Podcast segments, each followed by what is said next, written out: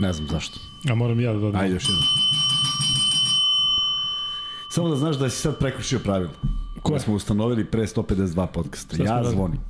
Pa ti si zvonio prvi, šta to znači da ja ne sam da pipnem zvon? Da, takav je dogovor. Sećaš da ja ne diram laptop. Sećaš da ja ne diram laptop. Pipaš, pipaš. Pipaš. Pipam kad nisi tu. Dobrodošli u 152. izdanje podcasta sa Lukom i Kuzmom. Uh, mogu slobodno da kažem da je istorijsko izdanje, s obzirom na to da je Partizan zabeležio istorijsku pobedu. Priča nešto, Kuzma. Da li me čuješ? E, ja mislim da ne čujem Kuzma, a, Miksa? Ja me čujem. A? Ajde, kaži. Ne, ozbiljno, ne znam da li Pa ovo... ne znam, ali ja te dobro čujem. I tebe i sebe. Aj, priča nešto. Priča kao, Jedan, dva, priča tri, kao da si u BFC. Ajde, kao da sam... u- Sam te pričao nekad u BFC-u. Da, čujem. Si uvijek ti uključena, slušaj? Čujem te nije, nego sam uzbuđen A, od e, druga Partizana. Tako da, ovaj, e, Miksa, daj pol da vidimo koliko ima Partizanovaca. E, stavljamo s vremena na vreme pol, ne želimo, ne želimo ništa da delimo, ali stavi za koga navijate. Partizan, Zvezda, neko treći. Kažem, jedna od najvećih pobjeda Partizana u novoj istoriji. Kada kažem novija istorija, ajde računamo tog Final Fora 2010. godine. Partizan je pobedio Efes u prošlom kolu na gostovanju, Efes koji je dvostruki šampion Evrope, sada je pobedio prvu ekipu u Euroligi, pritom su te pobjede onako baš ubedljive. Čak možda rezultatski jesu, ali više nekom igrom, više nekim uh, celim osjećajem, tako da ovo zaista mislim da je ozbiljan, ozbiljan uh, korak ka nečemu velikom i zaista mi je drago da ćemo i večeras biti sa vama, vidjet ćemo u kom broju i koliko ima pre svega navijača Partizana. Kuzma, Da, jedna velika pobeda Partizana, naslan, naslonjena na ono što je Zvezda juče uradila, dobra nedelja za srpske klubove i sada već e, Partizan zaista onako dobro stoji, e, dve pobede udaljeno od tog nekog problematičnog mesta, samim tim što je Zvezda ostavila Baskoniju na 15 pobeda, samim tim što je Žalgiris večeras izgubio i sad treba Sve biti sa mesta. oprezan i to je ono što smo i juče pričali, ne čekati taj Panathinaikos nego odraditi u naredne četiri utakmice, one tri pre, prve utakmice ovaj, odraditi dobar deo posla i završiti tako da ta neka a, posljednja utakmica protiv Panathinaikosa koja slovi za najlakšu, a ne bih nikada da se uzdam u takve stvari, pošto smo gledali i ove sezone neke neverovatne rezultate, ovaj, može da bude neka, neka utakmica za, poprav, za popravljanje mesta. Možda može se desiti, može se izabere uslovno rečeno ako ima šta da se izabere, ali da vidiš ko ti možda više leži sa pobedom ili porazom, a da e, ne verujem da je Obradović ikad kalkulisao i da bi dozvolio da sad i da ta pobeda stvarno nešto znači, a da se ide na nekog koji je uslovno da. rečeno lakše, mislim da od toga nema ništa. Prema tome, e, dobar, dobra nedelja i ovo je izuzetan rezultat i izuzetna utakmica za Partizan.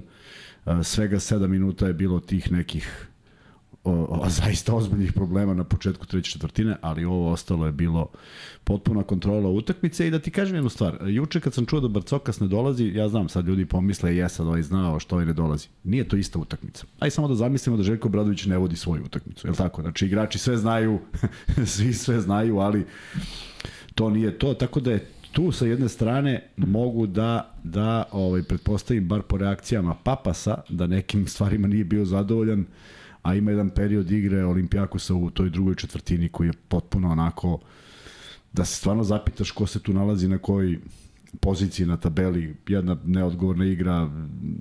Ja nikad nisam vidio Voka po, po ćoškovima da šutira trojke, to se jako redko dešava.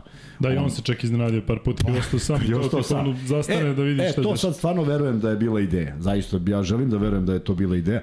Mikse, možemo pojačati samo malo, samo malo sebe da čujem malo bolje.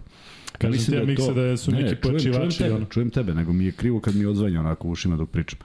Ovaj, e, zaista želim da verujem da je to sve bilo idejno, da, da, da se zna ko treba da ostane i analizirat ćemo utakmicu, ništa od onoga što smo, ne mogu kažem najavljivali, ništa od onoga što je bilo glavno oružje nije funkcionisalo na utakmici protiv Partizana, dobrim delom zbog izuzetne odbrane, dobrim delom zbog nervoze koju su uneli u, u redove Olimpijakosa, dobrim delom e, lošim otvaranjem utakmice, pre svega šutem za tri poena, ja ne znam, jesu na kraju završili s tri trojke ili Tri bilo trojke još od koja? 20, da. Dva mek, dve Mekisik i jednu Papa Nikolao. Da, dve Mekisik. Mekisik koji je dao sam više trojke Da, nego da, da, da, zajedno. Tako da, uh, pričat ćemo, Izvini, nemam nikakav problem. Mekisik, kada je najbolji igrač Olimpijakosa, to, To je dobro, to je dobra stvar, tako je. I fal, i fal koji je Jeste. zaista bio ozbiljan problem, ali video si kako se to reguliše i nadam se da je sada uh, svima onima koji uvek imaju neku primetbu na na moju ideju fauliranja jasno zašto tako treba. Naravno, nisam, nisam za to da Smajlagić na početku utakmice mora da napravi tri faula, pa i on napravio dva, Dakle, ne na samom početku utakmice, ali kako se napravi razlika, tako faul više nema tu šta da traži u reketu i mislim da je postigo jedno slobodno bacanje na svojim onim faulovima i onda je to veliki problem da ga trener drži u, u, u ekipi, iako realno ovaj, nije uopšte bio loš u branjenju jedan na jedan na preuzimanju. Zaista nije. Mislim da je bio uvek negde na šutu i, i nije toliko ispadao iz odbrane, ali ima ima određenih problema u napadu Olimpijakosa kada to funkcioniše. Međutim, s druge strane, Partizan, pa ja nekako, kad vratim film, ta prva četvrtina, skoro da se nećem da je neko promašio koš. Da je to jednostavno bilo uvođenje svih igrača koji su tad bili na parketu u jednu dobru utakmicu i to je trajalo 33 minuta, onih 7 kada je stvarno sve bilo vrlo čudno. Jedna, jedna, kao da je neko hteo da reši utakmicu u tih 4 minuta kao da se rešava, ali uh, uh, uh, podsjetio bi samo gledalce, vrlo bitni momenti i zašto je dobro što se to nije desilo u tom periodu. Vezenkovo na Jeli Up, Papa Nikolao na ulaz, Mekisik na ulaz i tri lopte ne ulaze u koš. U tim izuzetno bitnim momentima koji nisu preokrenuli utakmicu. Tako da je Partizan to uspeo da izdrži i onda kada je sve došlo na svoje, onda se ponovo vratila ta sigurnost. Tako da, potpuno zaslužena pobeda i sad sa jedne dobre pozicije gledaju rasplet, ali kažem, u ovakvom maniru će sigurno želeti da nastave da igraju I mislim da tako i treba, da, da pošalju poruku svima sa kojima mogu da se sastanu u potencijalnom četvrtfinalu da, da će biti teško. Ljudi, znate za ono, dakle, 500 like i idemo na free bet, e, da pohvalim zaista i Topa koji je zvezdaša, čestita Partizanu, da pohvalim, pohvalim naših Saleta Božića, zaista Sale, zadovoljstvo je pročitati ovakav komentar, evo ko nije video, kaže Sale, naš kao zvezdaš ogroman, čestitam Partizanu, žurio sam sa posla da bih gledao, ne zato što obožavam Partizan, nego zato što sam znao da će biti veliki meč, svaka čast grobarima i to treba reći. Sale, mislim da si primer uh, za, za ono što mi ovde forsiramo, to je da zaista budemo objektivni, realni i da ne padamo ni u kakvu vatru, već da čestitamo jedni drugima kada za to ima povoda. Ja htio bih da se zahvalim svima koji su se danas javljali ispred arene, pošto sam radio Virtus Real, od 7 već se punilo tamo ljudi blizu sport kluba i malo, malo pa neko dobaci i zaista je bilo zadovoljstvo. Morate nam pisati i vi koji ste bili u hali kako je bilo, zato što ispred arene, oko arene, u celom tom bloku, blokovima oko, oko hale je zaista bila neverovatna, neverovatna atmosfera. Mogu misliti kako je bilo u hali, preko 20.000 ljudi. Um, hoću da, da se zahvalim Stevici koji je poslao onu jako lepu poruku. E, hvala isto i Duletu za, za ove lepe stvari koje piše. Veliki pozdrav za Gotovušu. E, pišite i vi kako vam je dole. To je ovaj, nešto što je ipak ovaj, važnije od sporta. E, Srbija pobedila Litvaniju, Zvezda juče pobedila Baskoniju, Partizan pobedio Olimpijakos, dakle, mislim da zaista možemo da uživamo u, u ova tri dana. Sećate se Svi kako je bilo kada da. sa tri dana vežemo e, neke drame, svi, na svim frontovima, tako da... E, Svaka čast. Luka Nanli kao da je gledao podcast kad si rekao da će još da pogodi bitne koše ove sezone, od tada Nanli mnogo podigao nivo igre. Ne, nisam ja tu neki genij, nego samo zaista pratim Naneli, ja vidim koliko je ovaj, imao takvih sezona gde kada je najpotrebniji igra najbolje, jedan proveren igrač. Sećate se koliko smo svi bili nestrpljivi kada igrao nešto lošije, međutim Naneli je kao i ceo tim igre, igrao zaista na ne, u neverovatnom ritmu, neverovatna energija. Ja moram, evo, Kuzma mi neće zameriti, tamo možda vidiš šta se dešava tu na tim ovim, ovo moram jedan kraći monolog, moram, evo ga, Siniša kaže, ja sam te pozdravio Luka, jeste, bilo je, kažem, dosta, ovaj, dosta mahanja danas i hvala vam puno na, na svemu. E, mislim da mi koji navijamo za Partizan zaista treba da uživamo u ovom momentu, zato što je ovo dugo, dugo čekano. Sećate se koliko je bilo teških momenta, sa sve ovim što se dešava uh, oko futbolskog kluba, zaista jedan težak period za one koji navijaju za Partizan i ovo je neka, nije ovo uteha, ovo je da kažem, jedna sezona koja je već sada, mogu da kažem, da postaje istorijska. Ne treba naravno da govorimo unapred šta će se desiti, mada evo, ja ću reći da ja očekujem da Partizan igra u četvrt finalu koje je sve bliže, verovatno protiv jednog protivnika iz ove tri utakmice ili protiv Olimpijakosa koji je dobio večeras ili protiv Barcelona ili Reala, to su mečevi koji slede u areni. Um, hoću da kažem da je uh, zaista bio taj mučan i težak period i kada vidim recimo Miću Berića e, kažem, ne gledam ta studija, ali zakačem, vidim, vidim u očima kako mu je ovaj drago. On je bio u Partizanu i ovde pričao o tom periodu kada su financije bile kada je sve bilo na, na katastrofa nivou, kada je bilo nekih igrača poput Andjušića koji su bili u tom periodu, ali jednostavno nije, nije za poređenje bilo šta što se tiče um, tih sezona kada je on bio, pa i posle toga, sećate se, sedmog mesta u ABA ligi, pa svi smo znali kakva je to bila kriza, da ne ulazimo sada u razloge, ali 8 godina, kada sam video taj podatak, tek sam tada shvatio da Partizan 8 godina igrao finala ABA ligi. To je prosto to je bilo iznenađenje prošle godine. I da, da neko kažem, pitao za milion dolara, da tako, kažem, rekao bi možda prošla, pretprošla, da, setiš se da. njih utakmica protiv budućnosti, ali ne setiš se baš nečega što je bilo dosta davno, kad pogledaš na taj način. Uh, znaš, kad vratiš samo sezone četiri godine unazad i shvatiš ko je igrao u Zvezdi i Partizanu, to je neverovatno. To je deluje kao da je bilo pre, pre 100 godina. Toliko je utakmica, toliko je košarkaški zbivanja da je uh, zaista ono što smo, što smo uh, u prošlosti doživljavali kao 22 utakmice od kojih uživo gledaš možda tri, i još dve, uspeš da gledaš svoje ekipe na TV-u, pošto je bilo, morale se da se prikazuju sve utakmice, dakle ti si sezonu mogo da sažmeš u pet utakmica plus malo play-offa. Sada je to neverovatan broj i otuda, otuda i uh, deluje da je protok vremena nekako ovaj, još veći nego što jeste, tako da ovih 60 utakmica koje će odigrati i Partizan i Zvezda i svi Evroligaši je neverovatan broj. Učestvujemo u skoro svih 60 jer smo uvek aktuelni da pričamo o svakoj, prema tome a, zaista je bio neverovatan podatak da je toliko godina prošlo. Je li Novak bio u? Jeste, kažu da jeste, da. Da, pišu svi, ja nisam video. Pa pišu fenomenalno, Svaka što čast, da ne bude gledao, gledao spektakl. Da odgovorim Dekiju i Giletu, e, ljudi, stvarno nije ništa od strane sport kluba. Dakle, to vam garantujem u smislu možda ima nekih tehničkih problema, ali pričao, pitao ovde zašto se često prekidaju te konferencije, zašto nestane zvuk ili nestane signal, dakle, garantujem da nije ništa nešto sada da sport klub radi, ako je neki kanal ide s polja, ili jednostavno tehnički nešto se dešava. Dakle, ono što je 100% sigurno nema nikakve, ne znam, da sport klub nešto radi, jednostavno nema potrebe za, za tako nečim, tako da, da to je 100% E, sigurno hoću da pohvalim, dakle, da pohvalim, da kažem da mi je mnogo drago zbog Miće Berića, zato što ovo je iza njega verovatno posebna sezona, kao neko ko je bio na više načina u Partizanu, prvo kao igrač i to je jedan od najboljih igrača svog vremena, a zatim i kao, šta je bio Miće, sportski direktor ili... Mislim da je da. sportski da. direktor. Ali ovaj, hoću da pohvalim i Marka Vlahovića, zato što ovo je njegova prva sezona kada prenosi Partizan i imaćemo čak posle jedan pol da malo i svi ovaj, damo još podršku Marku, zato što je Marko zaista divan dečko, dobar komentator, odlična kombinacija čoveka i profesionalca, tako da čestitke njemu, drago mi je što, što je zacementirao sebe e, kao neko ko je, eto, posle nepune sezone postao sinonim za prenose Partizana u Euroligi i zaista i njemu čestitke na ome što se dešava, vidim da i on sve to proživlja prilično emotivno i zaista ima neverovatnu energiju.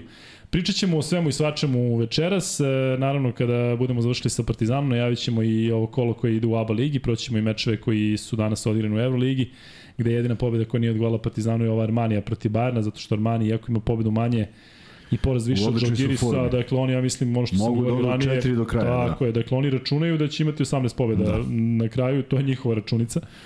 E, I hoću da kažem da mislim E, hteo bih par reći o Željku Bradoviću. Ja tom čoveku zaista pre svega želim da on malo odmori. Ako je moguće jedan dan, siguran sam da nije moguće. Dakle, stalno pričamo o odmoru igrača, kako se igrači troše na trenizima, kako se troše na utakmicama u ovom ritmu.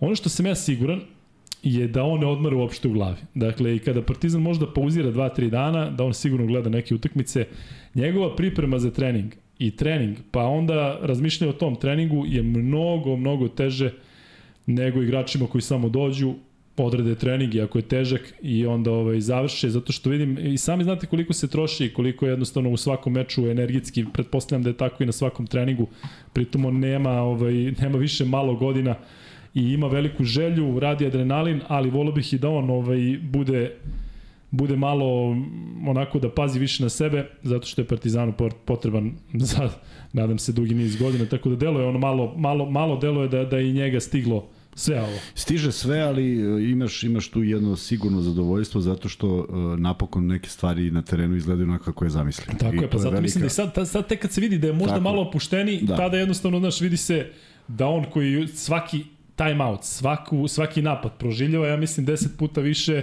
nego normalan trener. Stvarno, ovaj, evo vidi se na onoj konferenciji da, da je jednostavno čovjek, čovjek iscrpljen, iscrpljen, tako da, da zaista želim njemu da, da, da i dalje ima energiju da prikupi novu kako bi Partizan bio još bolji. Da ti kažem, ja stvarno mislim da ta stara garda trenera ovaj, su nešto posebno. Zašto? Ne zato što mislim da su bogom dani ili bolji od ovih mlađih. Jesu iskusniji i napravili su rezultate, nego zato što mi deluje da živimo u nekom vremenu u kojem, tako mi deluje, možda i grešim, taj Željko Obradović je bio u stanju da sluša nekog savetnika, ne nekog, nego profesora Nikolića. Slušao bi on nekog drugog da je bio neko drugi. Znači, na to mislim. Svako od njih ima nekog svog mentora, svako se učio i gradio ne samo trenerske kvalitete, nego i ljudske. A sad trenutno mi deluje da, da ova neka nova generacija trenera, čast izuzecima naravno, uh, sretao sam mnogo van, van sfere, van sfere košarke. Sretao sam mnogo ljudi koji sve znaju, koji ovo, ovo kao ovaj što ima 60 kao, šta misliš, pa to kaže prošlo vreme, on ne može da mi kaže ništa pametno. E ovde je bila ta neka mudrost, pa su oni učili i tako da bi bilo zgodno da ti mlađi malo pogledaju i da uče, a ne da kopiraju, nego da uče od tih starijih, mislim da od ozbiljnog dela tih trenera koji su i dan danas u Euroligi ima šta da se nauči. Prema tome, želim da uvek dođu neki novi, ali da, da, da znaju, da vide kako izgleda ta neka ajde da kažem, emocija, posvećenost, reakcija tih old school trenera koji su ipak u jednom drugom sistemu vrednosti ovaj, igrali košarku, a onda postajali treneri. E, tu je Marko Lahović u čatu i puno pozdrava za njega. Vidite šta je profesionalac koji tek što je stigao kući verovatno, e, ćera verovatno spava pa sad može malo da, da sluša podcast ali ovaj veliki veliki pozdrav za njega. Miksa možda uključiš, odnosno da isključiš ovaj pol, pošto već imamo dovoljno glasova. Blizu smo, odnosno na pola puta smo do 500 lajka, da ispucamo prvi free bet. Partizanovac 76%, Zvezda 19%, neko treći 3%. Kada bi bio onaj dan da Zvezda i Partizan slave u Euroligi u nekim bitnim mečima protiv bitnih protivnika i da su svi tu, ja mislim da bi da bi bilo na 5000 ljudi. Pa igraće se, se u petak igra sledeća. Jeste, da, ima. Ajde da vidimo da li, da li će moći se da bude. Da.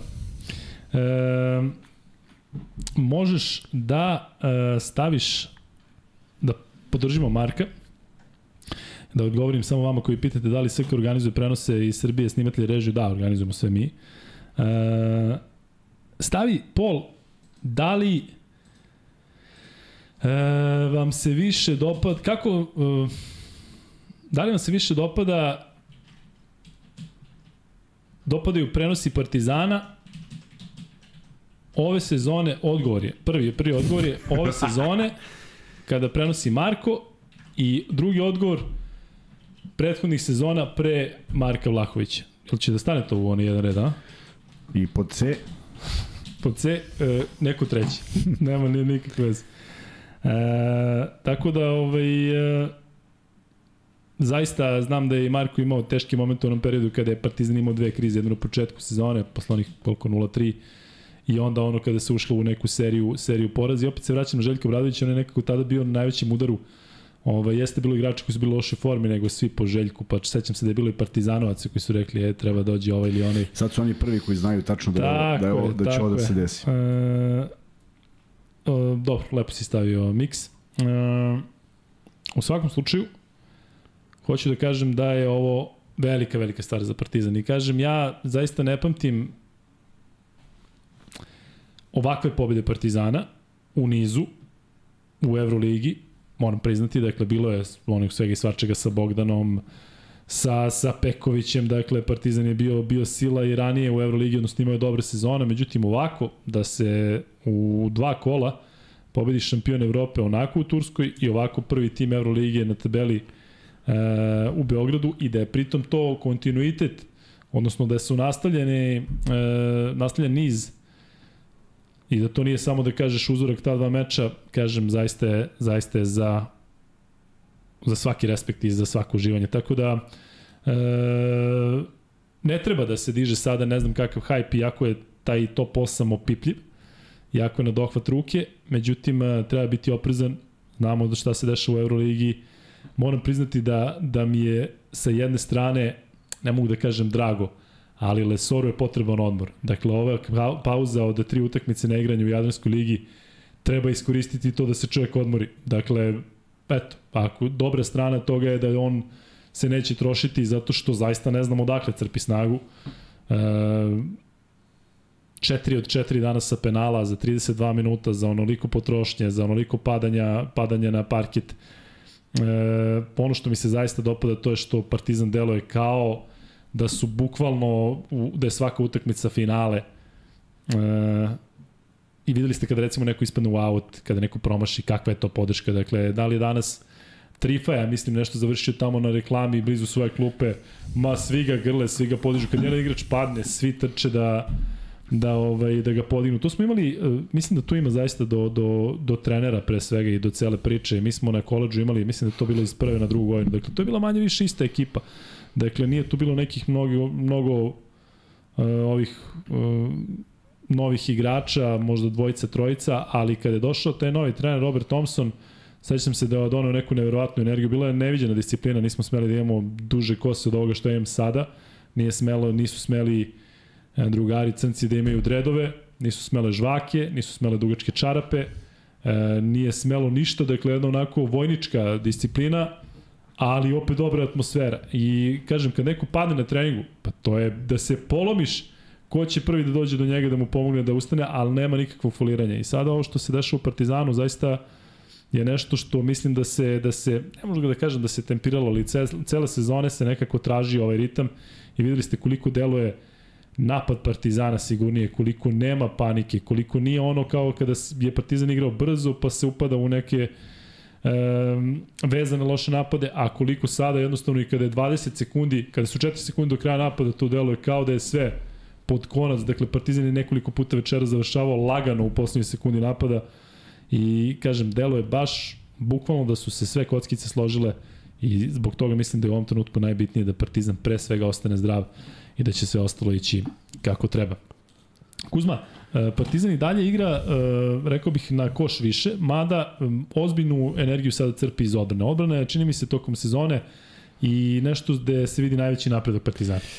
Da, i mnogo je drugačije i pitao si pred utakmicu postoje li zamisli, te zamisli su i tekako videle, što defanzivno, što ofanzivno. Ajde neke, neke onako, neke utiske. Uh, E, prvo nisu mnogi igrači koji su štirili za tri nisu štirili svojih pozicija. Vezenkov je šutnuo dve u prilično poziciji, u onim teškim pozicijama sa čovekom ispred sebe jer je preuzimanje jako dobro funkcionisalo. Rizikovalo se da uh, Voka poda u ćošak i da to bude neki rizik koji je bio prihvatljiv. Uh, onog momenta kada je kada je faul došao u opet dominaciju pretio dominacijom u drugom poluvremenu za ustavljanje faulovima tako da mu se raspala i ta njegova igra jer je mnogo mnogo lepše kad zakuca svaki put nego što mora da se znoji na liniji penala. Uh, Uh, treća stvar, ajde što se tiče Vezenkova u odbrani, međutim pogledat ćeš i vidjet ćeš koliko su i niski igrači kada ih Vezenkov preuzme prodirali i išli do kraja, jer je logično da napadnu igrača koji je svakako brži od njih. To se sve u igri Olimpijako se odrazilo na jednu nervozu, pa smo videli neke promašaje koji nisu običajeni za tu ekipu. U krajnjem slučaju prvo celo prvo vreme nisu pogodili za tri poena, ali kažem, želim da verujem da je Partizan znao gde može da žrtvuje nešto i to je jako dobro radio. S druge strane, igrači su se uveli a, u, u, u, dobar, u dobar napadački ritam, otvorili utakmicu svako za sebe, ali šta je vrlo bitno? Pogledaj koliko sad drugačije izgledaju faulovi koji su se dešavali na početku, kad god su bili potrebni, čak neki koji nisu bili potrebni, ali nije bilo štednje, nije bilo, e, ne smem da napravim faul zato što ću, želim da igram, nego jednostavno svi su se pod, po, po, podredili kolektivu i potpuno je nevažno ko šta i kako, jer svaki od igrača Partizana je danas koji je bio na terenu zablista u nekom momentu. Pa pa Petru je promašivao, pa pogodio kad je trebalo. Naneli je bio konstantan, pa je morao da usledi pauza. Panter nije pogađao dvojke, pogađao je trojke. Dakle, opet svi oni su imali svoju ulogu na terenu i odradili je fenomenalno, a što kažeš, to potiče iz dobre odbrane i da nije bilo onih 7 minuta koju srećom Olimpijakos nije mogao da kazni jer nisu imali sigurnost u igri, opet zahvaljujući tome što su to prvo polovreme e, bili i u zaostatku i što je Partizan dao skoro koliko 50 46 poena, 40 koliko je bilo poena. Mislim 26 je prva četvrtina, i polovreme je koliko 40 i nešto, hoću kažem veliki broj poena je Partizan, Partizan uspeo. na polovremenu ima 48 poena. 48, pa to skoro 50. Da. Dakle, veliki broj poena je opet bio, a opet su zadržali Olimpijakos koji zna da, da, da, da, da pogađa i svih uh, pozicija. Ono što je bilo najinteresantnije to je da je Slukas potpuno podbacio i opet se vraćamo na to koliko se poznaju i šta je izrečito tražio Obradović. Na sve to kad on prodre dva puta i ne pogodi i uđe nesigurnost, zaista nije bio elementu. A evo onaj moment o kojem sam voleo često da pričam, znam da su navijači, da su gledalci koji su gledali, pomno gledali, mogu svi da se prisete onog momenta kad Sluka se stušti na koš, a jedan igrač, a to je Papa Nikolao, ne stoji u ćošku da jedino uh, može da se doda lopta. Pa on mora da je zavrne potpuno kontra, pa lopta ode u out. Sećaš se momenta? E, to su neke stvari koje su koje koje opet u, u Partizanu učinio da oni ne budu komforni u svojim pozicijama da traže neka potpuno iznuđena rešenja. Nisu uspeli da nađu i Partizan je potpuno zasluženo stavio, slavio, ponovo ubacili 90 poena, što zaista nije lako na nivou Eurolige. E, čak mi se čini u opet prilično dobrim procentima. U jednom momentu izašla grafika 16 od 18 linije penala, što je uvek jedna od najbitnijih stvari za, za mir u ekipi. Tako da u skokovima svi su zatvorili kad je trebalo, skidali su i niski, skidali su i visoki i prosto deluje mi da nije bilo ni jednog pada sem onog, onog početka treće četvrtine. I još jedna stvar, pošto nemam šta mnogo o sudijama da pričam, zaista mislim da nisu pravili neke bitne greške. Ali seti se onog momenta uh, Ledeo fal na, fal na Vokapu. Znači, onakvih kontakata ima 4 miliona. Jedina dobra stvar u celoj priči što se desilo u prvoj četvrtini i što je Željko Obradović odmah reagovao. Da se to jednostavno ne dešava na kraju kad je nekako mnogo bitnije. Tako da ako je, ako je za utehu dobro je što je u tom periodu, zato što zaista mislim da je ono jedan od mnogobrojnih kontakata na, na terenu i da jednostavno nije trebalo da bude da bude ovaj faul.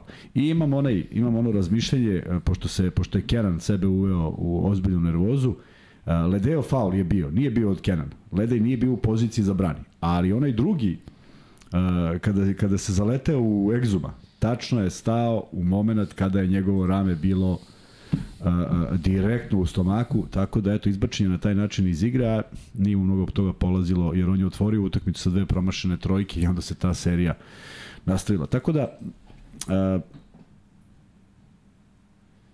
šest, sedmo mesto, bez obzira što je Makabi pobedio, ima sad još mnogo da se igra i tu treba tražiti, baš zbog toga što treba prevazići još tu jednu prepreku da bi bio siguran, tu treba se traži nešto već u sledećim utakmicama, ali tabela za Partizan izgleda prilično dobro, što kažeš taj Armani stvarno može se pojavi ni od kuda, ne vidim da Žalgiris ima snage, ali ajde da ne pričamo o tome da da ne ureknemo, uh, ne vidim da Žalgiris može da se ubaci Baskonija potonula, pitanje kako će reagovati posle ovog poraza, jer ja, ja čisto sumnjam da su došli u Beograd sa idejom da, da se vrate kući bez pobede, tako da vidimo kako će reagovati te ekipe koje još uvek imaju šansu, a potpuno si u pravu za taj Armani koji je bio na, na, na rubu propasti, ako oni vežu četiri pobede mogu do, do 18, što je, što je možda će im biti dovoljno za, ako ne neko tamo šesto, možda za osmo, ko zna. I oni ako uđu u četvrt finale sa takvim naletom, zamisli Mole Boga, šta je da, moguće. pitanje, ovaj, da, tako znaš, je, tako je. E, Veliki pozdrav za Denisa Žareva koji kaže Luka pozdravi Sofiju još jednom, ovde nas ima dosta. Ako se sećaš kad je Kuzma čitao ono Frikan Paca, to su moji drugi pa su malo rano zaspali, ali ovde je ra, zdravo rivalstvo, veliki pozdrav.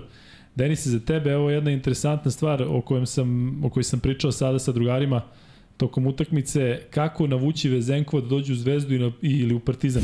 Da mu kaže da je blizu kuće, da može da, da ode auto putem ovaj, da mu To blizu. si za 2-3 da, da. sata, još onaj sat Da, vremena kako razlike, kažem. došao si nisi ni krenuo. Sa, za Mirutića i za Vezenkova imate sličnu priču. Mirutiću ti si kod kuće sve jedno, Vezenkov ovaj, brate, Skoro ti je sve, znači nema šta, razumeš jezik i vozi Miško, tako da eto to su, to je deo mojih snova za, za sledeću sezonu. Ima mnogo interesantnih pitanja, mnogo interesantnih komentara, molim vas se nemojte ljutiti zato što nećemo moći da pročitamo sve, ali Vladan Miladinović kaže da pitamo Kuzmu da li ovo, i nešto slično sam ja hteo, dakle, da li ovaj napredak u odbrani i ovako poboljšana odbrana Partizana jeste nešto što proizilazi iz treninga, zato što se baš vidi da je Partizan... Upravo to. Zato što to nije odbrana koja funkcioniše tako što jedan uradi dobro. Da. Nego svih pet. I tu su bile rupe. I to je ono što mi ne vidimo, što mi ne vidimo, što ne vidi javnost.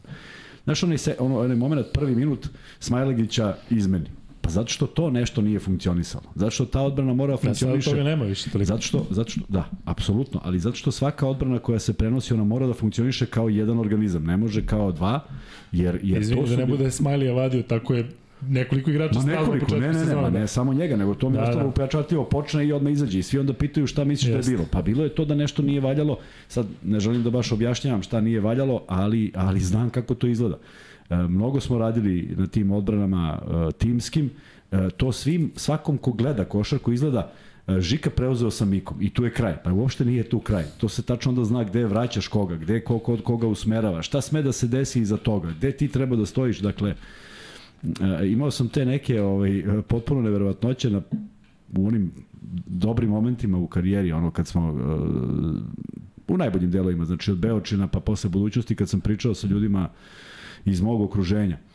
I kažu, a kako vi znate gde kog treba da se kreće? I sad zamisli za nekog lajka koji voli košarku, ti kažeš, pa imamo jedno 16 kretnji. On kaže, ne razumem. Znaš, potpuno lajicima nije, nije jasno da svaka ta kretnja mora da ima smisao. Ne možeš da trčiš bez veze. Naravno, neko dovoljno poznaje košarku da prepozna šta se dešava. Bilo je igrača koji nisu prepoznavali šta se dešava, sve može, sve, sve postoji, ali vratimo se na Partizan, odbrana funkcioniše mnogo bolje, vidi se gde se zatvaraju o, rupe, vidi se gde se kradu lopte, vidi se šta se pušta kao neki pas koji može da se rizikuje, vidi se šta se brani. Za sve to je trebalo vreme kojeg nije bilo, ni za jednu evroligašku ekipu, a ne naročito ne za ekipu koja je imala problema sa povredama i sa sastavom novih igrača koji e, ti spomeneš Nanelija i znam da ga navijači vole i mi smo ga najavili na početku sezone kao sigurno čoveka kojeg je Željko doveo da ima Da radi ovo, ja mislim. da bude da, da u njega ima najveće najveće poverenje posle Tako Fener. je. On nije ličio na sebe. Na iz, iz, Jest. iz, opet ne mora da bude samo lična forma. Može da bude potpuno neka pozicija koja u tom trenutku ne odgovara ili neko ne radi svoj posao. Tako da s, e, kako je prolazilo vreme, leglo je i ne samo što je leglo, nego Partizan od one utakmice kada, kada otvara utakmicu sa užasom od prve četvrtine, on, on, on faktički, evo, ja mislim da je Vlahović rekao da je Partizan promašio prvo bacanje od Remanije. Dakle, to su neki nevjerovatni podaci koji su za svaku za svako poštovanje, jer tako se dobiju utakmice. Da. E, hvala puno Ivanu, Mati i Milanu na donacijama, vi stalno donirate i veliki pozdrav za sve vas. E, koliko vidim Amerika, Švedska Amerika, to je ta veza. Tako da ovaj, e, znači to mnogo nama i više možda nego tih samih donacija što ste uz nas u takvom kontinuitetu. E, Kuzma, kada ste trenirali odbranu konkretno, Objasni nam malo te treninge, dakle, kada, kada, kako, se, kako se uigrava odbrana na tom nivou u Euroligi? Dakle, kako je to, dakle, jednostavno da, da naučiš kako se neko drugi kreće, ili da se neke stvari rade konkretno kada se skautira, ali čini mi se da sada Partizanovi igrači veruju pre svega jedan drugima i da znaju možda i bez, bez uh, unapred znaju šta će, kako će neko da se ponaša i, I kako to, da i će to da... moraš, da, i ti moraš znaš kako će taj da reaguje, upravo to. I to je neko vreme koje mora da protekne. Ali vidi, te- teško je sad reći, verujem da smo imali mnogo manji broj zahteva. Pretpostavljam, zato što se igra mnogo brža košarka. I vidiš da lopta kod nas je bilo pap, pap, pap, pap, pa se nešto desi, a ovde lopta ide huć, huć, huć, huć, i već, već, već se niko više ni na svom mestu. Uh, ipak, verujem da treninzi izgledaju prilično slično. Zamisli se neka kretnja šta najčešće igraju, koje su im omiljene kretnje i po tim kretnjama se odbrana dovodi do, do nivoa da se igra ozbiljno, a napad samo kruži i pokazuje pa zadrži loptu, pa vidiš reakciju, pa kad on zadrži loptu i zamisle da je to Slukas, onda se svi zaustave, zamrznu se i onda se kaže, e, sad ti stojiš korak ovde, ti stojiš korak, opet u odnosu na to ko je gde. Tako da to su sve neke finese koje ne ulaze tako što trener postavi pet, kaže ovako, oni klimnu glavom i to se stvarno i desi. Mnogo truda je potrebno za to i evo, evidentno je da, da je Partizanova odbrana mnogo drugačija nego s početka a, sezone i ono što je mnogo drugačije to je taj to zatvaranje reketa, e, pravljenje faulova, ideja kako nešto odbraniti, šta rizikovati, ne moraš da trčiš na svaki šut ako je bolje zagraditi reket, ako je već ideja da taj čovek kao najlošiji šuter šutne, tako da ima, ima, ima mnogo dobrih stvari koje su se promenile i da Partizan sada sve to koristi. Da kažem samo kratko da, evo Kuzma je pomenuo sudije, hoću malo ja o sudijama, dakle ovaj momak iz Litvanije, Gitis Vilius je mnogo dobar tip, da znate, i deluje mi da je odličan sudija, da napreduje, uh, ima dosta tih litvanskih sudija i generalno sudija iz, sa Baltika, ali on je prva liga zato što sad da li je letonac ili litvanac, ali generalno kad god se pozdravi sa mnom na zapisničkom stolu, uvek pita ono kako si, šta je, pa par puta i namigne.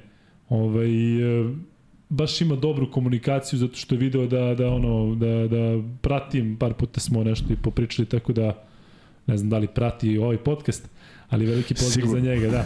E, ono što mi se dopada to je da Željko sad ima komunikaciju sa sudijama e, jednako kao i ranije, s tim što sada više to nije nešto da je neka dramatična, jednostavno uz osmeh se skrene pažnja, gledate pa si vidi, znaš, često kada je, kada je sudija pored njega kao da se nešto sprdaju, tako deluje, ali mislim da Željko sad može da dozvoli sebi kada da je malo opušteniji, pa da može na taj način da se odnosi prema svima. Ljudi moraju da shvate, to je sve proizvod rezultata, uspeha, neuspeha, sve se to odraža, ne ti budeš sad smiren potpuno kad ništa ne ide, pa ti onda sve smeta, kriv ti je, krivo ti je, ovaj, i ono što si sam izgovorio pa ti nekad smeta. Tako da, ovaj, bilo je tu trenera, znaš, starih, legendarnih, uh, nalazi zamerku svakome i sad jedan nije igrao i nalazi zamerku svakome. Šta ti ovo, šta ti ono? Izgubilo se, naravno. Kad se pobedi, niko ne bi ni pričao o tome. I pogleda ovog 12. koji nije igrao. Šta ti na zagrevanju kao bacaš? da, da, da. znači, znači, znači, i to smeta. Tako da... Beše, znam kome to rekao. Znaš da, kome. Da, i, e, a, Piva beš. Pa da. Sad i to smeta. E, tako ti i ovo. Imaćeš, naravno, imaćeš oštri stav kad vidiš da sudija negde naginje, međutim, zaista mislim da je bila utakmica gde nije mnogo tu nekih odluka sudijskih bilo koje su izazvale uh, bilo kakvu polemiku. Lično mislim da, da, da uh, Ledej nije bio u onom dobro pozicioniran da primi onaj faul napadu. Faktički on primio taj, taj, uh, to rame u, u, u leđa. Nikad se nije dobio faul ako si okrenut leđima i u kretnji si, ali onaj drugi kad se Kenan nameračio do kraja, to je egzom savršeno stigao nogama i i, i zaustavi. I naravno, bilo je u napadu prosto neverovatnih stvari koliko su, koliko su ostajali lako sami, opet neke fantastični potezi. I tek je sad Egzom i demonstrirao koliko je brz. Jesi vidio onaj moment kad on uzima loptu, ali Renzaki stoji na svojoj polovini i samo protutnje. Tako da, Uh, to je ta energija koju on donosi i eto, to je ono što je Obradović tražio na poziciji 1.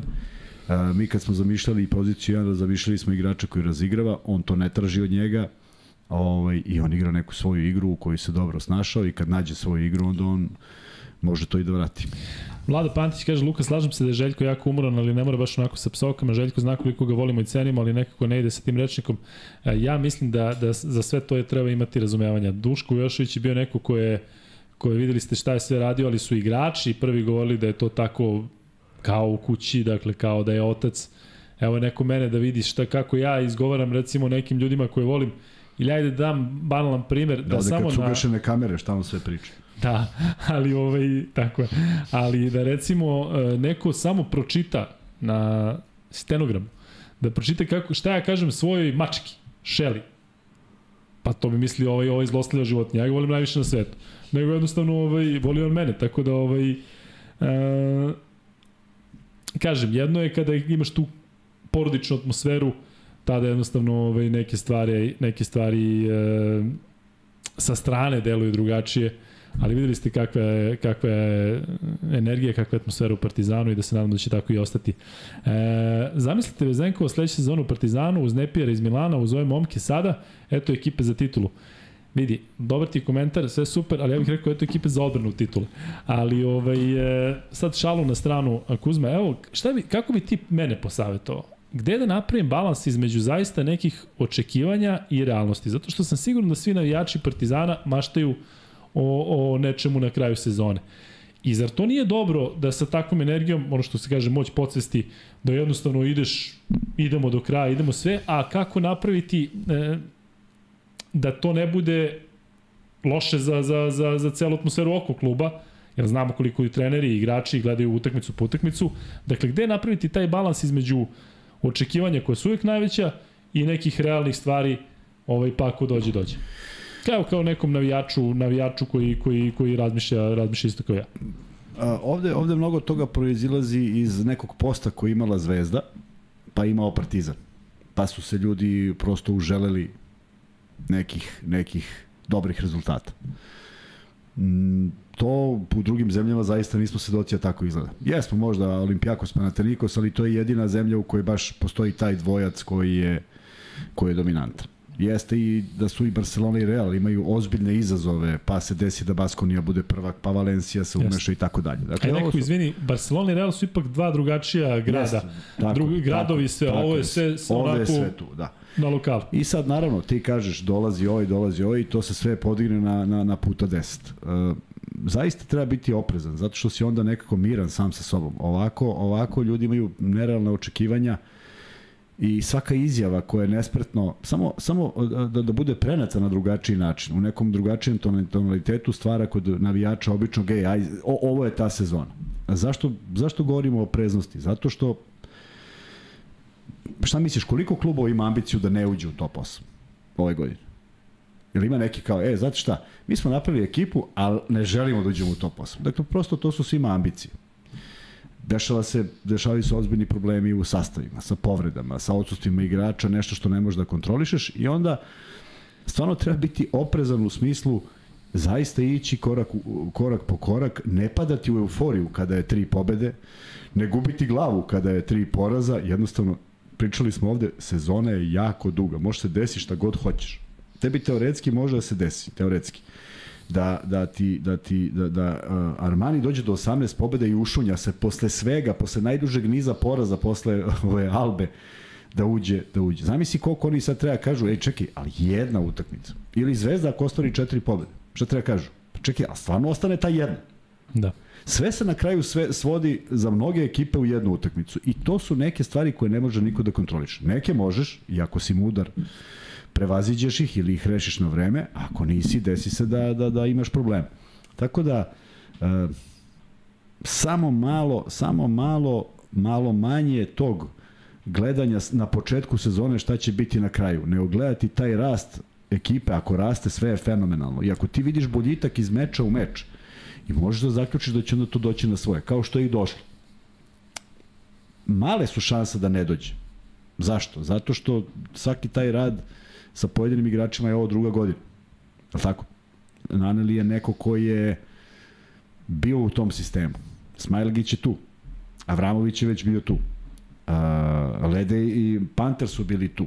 Znači, faktički, tu je, tu je došao Egzum, tu je došao Papa Petru, koji sigurno ima neku neku vezu sa, sa, sa Obradovićem još iz onog perioda. Prema tome, to je nekako bio dovoljno dobro sklopljen tim, za koji takođe treba strašno puno vremena da se uigra. Dakle, dajte trenerima malo više prostora, malo više o, o, krit, malo manje kritike za neke te periode. Ma da, samo strpljenje. Samo Evo, recimo, vidiš sada prošla sezona Partizana je bila takva, kao što kažeš, nije se tu mnogo promenilo. Dakle, dovedeni su igrači koji treba da popune neka Tako mesta, ali kada pogledaš Ledej, Panter, Lesor, Avramović, bili su tu. Smajlagić, Tako je. svi su tu. Tako. Dakle, to je da kažem i dalje neki onako... Ovaj... Tako je, i oni su nešto vežbali godinu dana, što nije dalo rezultat. I evo sad Partizan možda uđe u top 8, a nije ušao u top 8 Evrokupa. Besmisla. Dakle, znači, pogodi se ta jedna utakmica, a e, se slažeš da su svi završili tu utakmicu pre nego što je počela? Koju? Pa protiv Burse. Jel da. se sećaš, se slažeš da je naboj bio ovo? Jeste, jeste. Već se gledalo Već se gledalo što CDVita ide. Pa je CDVita gledala, uhu, Jest, sad Bursa izbacila, da. sad se nama namestilo, pa i oni doviđenja. A neverovatno, evo, da, daješ, vidiš kako ima i kontra primjera. Bursa je zadržala manje više bitne igrače od prošle sezone. Čak se sad vratio i Andrews, da. ali kada pogledaš Nidan, Dudzinski, taj on bitim. I? Uh, Gde su? Kako to objasniti? Pa to pa... Još ti došao Evroligaški centar, još si doveo Klemosa koji je igrao ono Evrokup na najvišem nivou, E, dakle, dove si igrače koji, koji su tu trebali isto da popune kao partizan. Ja bih voleo da možemo da pričamo s nekim iz sezone sad Kad je uzela? 66. 67. Da, nema živa, pa zato kao. Ne, ne, sezona 90, kad je Zvezda uzela titulu? 93, 94. Da, on 4-0, 3-0. Ono, bez, bez poraza u finalu, to ne, mislim da je 3-1, 4-1. Dobro. Ne, ali samo, samo onaj moment kad gube 8-0 od Partizana u regularnom delu. I sad ti ne. pitaš, šta se desilo, šta kao? sad su spremili neku akciju. Dakle, jednom se pogodi to što se Bursi desilo u, u, u takvom segmentu. I pokazatelj da ne može da traje, ne možeš na, to, to što je što je bila neka emocija, da je bio, ko zna koliko je taj Holand donosio tu neku fenomenalnu energiju, tako? Možda su na bazi toga opušteno igrali. Da, da, možda je to njemu, možda je to e, mesto koje je za njega e, najbolje na svetu. Ali, ali takav, takav, takav, takav, takav, takvo osjećanje kratko traje. Kratko traje tu, tu sezonu i ne može se ponoviti. A pazi, on je došao kad se povredio Gečim, dakle on je, da kažem, tokom sezone došao, došao. tu da nešto ponovi. I nešto se desilo, Jest, poklopilo, on pogodio neke šuteve koje ja ne znam da li bi ikad Jest. pogodio. I ti si od utakmice da je puna arena, gde svi očekuju ne pobedu tu, nego se očekuje i razmišlja se ko, ćeš da, ko će da prođe do finala. Dešava se taj šok u jednoj neobjašnjivoj žavršnici da je sad analiziramo, rekli bi da smo negde, da je nemoguće, da je realno yes. ipak neverovatno. E, imam poruku za Čanka koji nam je bio i za Limpijevića koji nam je rekao na početku da prati podcast. Sećaš se kada, je, kada smo tek krenuli, kada je bilo malo zaista oni koji prate. E, Dušan je ovaj, priča o tome kako prati. Jeste. I e, imam poruku za obojicu Čanku, sve čestitke kako je izvukao ovu sezonu sa Letkabilisom, odnosno kako Letkabilis igra sa zaista sastavom koji na papiru ne deluje, ne znam kako, dakle sa Morisom koji igra dobro, ali jedini tu Amerikanac, dakle na početku sezone tu bilo, da kažem, ovaj, problema, pritom je i Šakić povređen dugo, a on je trebalo dođi kao zamena za Gagića. Kako je ekipa igra zaista svaka čast i na atmosferi na svemu, a za Bursu, kažemo, ovo je naš podcast, pa možemo da kažemo šta god hoćemo. Ja zaista ne znam šta se dešava sa suđenjem Bursi. Pratim Bursu cele godine, i u Turskom prvenstvu i u Evrokupu. Dakle, to je toliko odluka koje odlučuju utakmicu protiv Burse, da čovjek pomisli da, da je nešto organizovano. Sigurno nije, Pritom, namesti se tako da se primi toliko koševa, poput ove trojke Morisa. Dakle, kao da je klub pod nekom kletom. Dakle, ovo nije realno stanje stvari, ali Kuzma, ti ne znaš koliko je tu odluka ne, koje ove, nemaju veze sa životom. Gledao, ali ovo protiv Bursa. I kažem ti, i Tursko prvenstvo i Evrokup. I onda razmišljaš, možda postoji neka osoba X ili neki sistem koji je protiv bursa, ali u oba takmičenja, što nema nikakvog smisla. I naravno da nije. Ali zaista treba ovaj, pružiti podršku i i Dušanu, ali kažem, um, potpuno dve različite sezone, s tim što ja očekujem da, da Bursa, e, koja očigledno neće imati prednost domaćih terena, u toj što njima ne znači ništa. Pa, pa nije, njima znači u Bursi u, u, u dvorani e, Tofaš Sport Salonu zna da bude atmosfera opasna. E, ali evo kad smo pričali, zadržat ćemo kratko Bursi, vraćamo se na, apropo, na Partizan. Apropo ove, ove karme i ovoga. Znaš, ima jedan čovjek koji ja često spomenjam u našim podcastima, ovaj, koji ima rečenicu ovo samo meni može da se desi. I onda kad ti ispriča nešto, to stvarno pomisliš da li je moguće da se, da se dešava njemu na, na, na svim meridijanima, da li on priziva, da li je to takva energija, ne znam, ali mnogo nekih stvari mu se dešava. E, Hteo da sad nešto u vezi burse. Hteo si nešto za bursu, izvinite što da prekinu. Ne, ne, nešto sam hteo toliko značajno da ono, Sjetiš. ceo podcast stane ovaj, u, u to. Ne, da, zašto Kuzma Bursa ne bi mogla da igra Euroligu kada je igrala Darušafaka? Pritom Darušafaka, 15. klub iz Istanbula, Bursa koja je pritom ima futbolsku sekciju, ima futbolske navijače. Pa ne, zato što smo mi pričali često Evrokup kao pa ko tu može da igra. Ako je Darušafaka mogla da igra, ako Bursa ima lovu i ako ima te navijače kao, kao, kao da kažem, Mislim da je jako bitno u Turskoj da imaju i futbolsku sekciju, odnosno futbolski tim, zato uh, Efes ja dugo nije imao da navijače. Ne, ne, ja nisam mislio da Bursa ne može, nisam nijednog trenutka rekao ne, da ne, ne ali smo obojice smo se složili kao iz Evrokupa, jednostavno nema, ko, ko sad iz Evrokupa osim možda Juventu da, da, da, da igra, pa, znaš, da bi mogli finansijski da ponesu. Zato što, zato što bi onda ovaj, ta ista Bursa aplicirala i prošle godine, što ne aplicirala? Ne, ne znam, ali ako je mogla da ruša faka, zato što je tamo neko leto lovu. Ali leto je Doguš i koji onda hteo da bude Jeste. sponsor i Turki Airlines i Doguš. I sad nođe neka firma iz Turske i želi još jedan klub i potpiše se na 35 novih miliona ili već nešto, ja verujem da bi se našao prostor i rekli aj sad još dva tima, daj još jedan, da ubacimo da ne bude da. neparan broj. Tako da je sve moguće, ali je o kontra pitanje je bilo Darušafaki. Ok, mi smo sad ušli, Doguš je ušao, sve se to desilo, ali mi imamo samo jednu godinu nastupa ukoliko ne napravimo neki rezultat. Čak i ako ga napravimo, menja nas neko. Prema tome, tu je nastao problem i mislim da, da, da su shvatili da su, mislim da su se uh, odrekli takvog koncepta, jer su shvatili da ne vredi. Ne vredi ni onome koji ulaže, ne vredi ni samoj ligi. E, da se vratimo na Partizan, e, Kuzma, e, e, možemo da pređemo sada na igrače i onda ćemo naravno da... da... Ja sam u kadru, samo ti kažem Miksa. Slika je, tri su mi poslali. A, slike si gledao, da, tri, tri slike. Bacujem. Aha, dobro. Pa je odlutale su mu misli. Da, da, da. Nisam znao gledao telefon. Nisu igrali Tristan Vukčević i Danilo Andjušić, ja i dalje verujemo u bojicu. Mislim da će se za Tristana možda otvoriti sada kada Lesor odmara, odnosno kada mora da pauzira u, u ABA ligi. Naravno, akcena će biti na Smiley i na Ledeju, ali mislim da Tristan tu apsolutno može da, da doprinese više. Šta si mi dao? Jedna poruka od, od, od jednog robara koji ti šalje na pitanje koje si imao juče. Evo, Ova prva gore, ne znam koju si mi dao. Ima, prva. znam, A šta se ugasilo? Prva? Ozr? e, ozirem ovo sutra. Pa de? Evo ga ozir. E.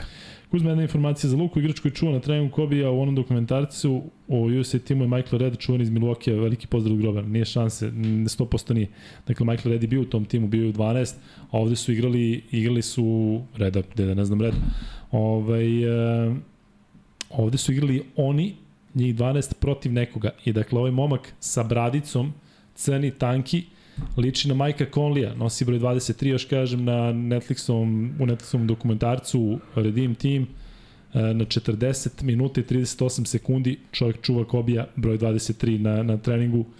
Ja ne znam ko je, Red nije sigurno. Michael Red bio igrač na IHH i kažem bio u tih 12 u, u tom sjajnom timu i da kažem još jednom, dakle to finale između Španije i Amerike, verovatno najbolja utakmica koju sam ja ikada gledao košarkaška na svim meridijanima, što su rekli Lebron, što je svojevremeno pričao i Kobe. Tako da, ovaj, ogledajte u svakom slučaju taj dokumentarc.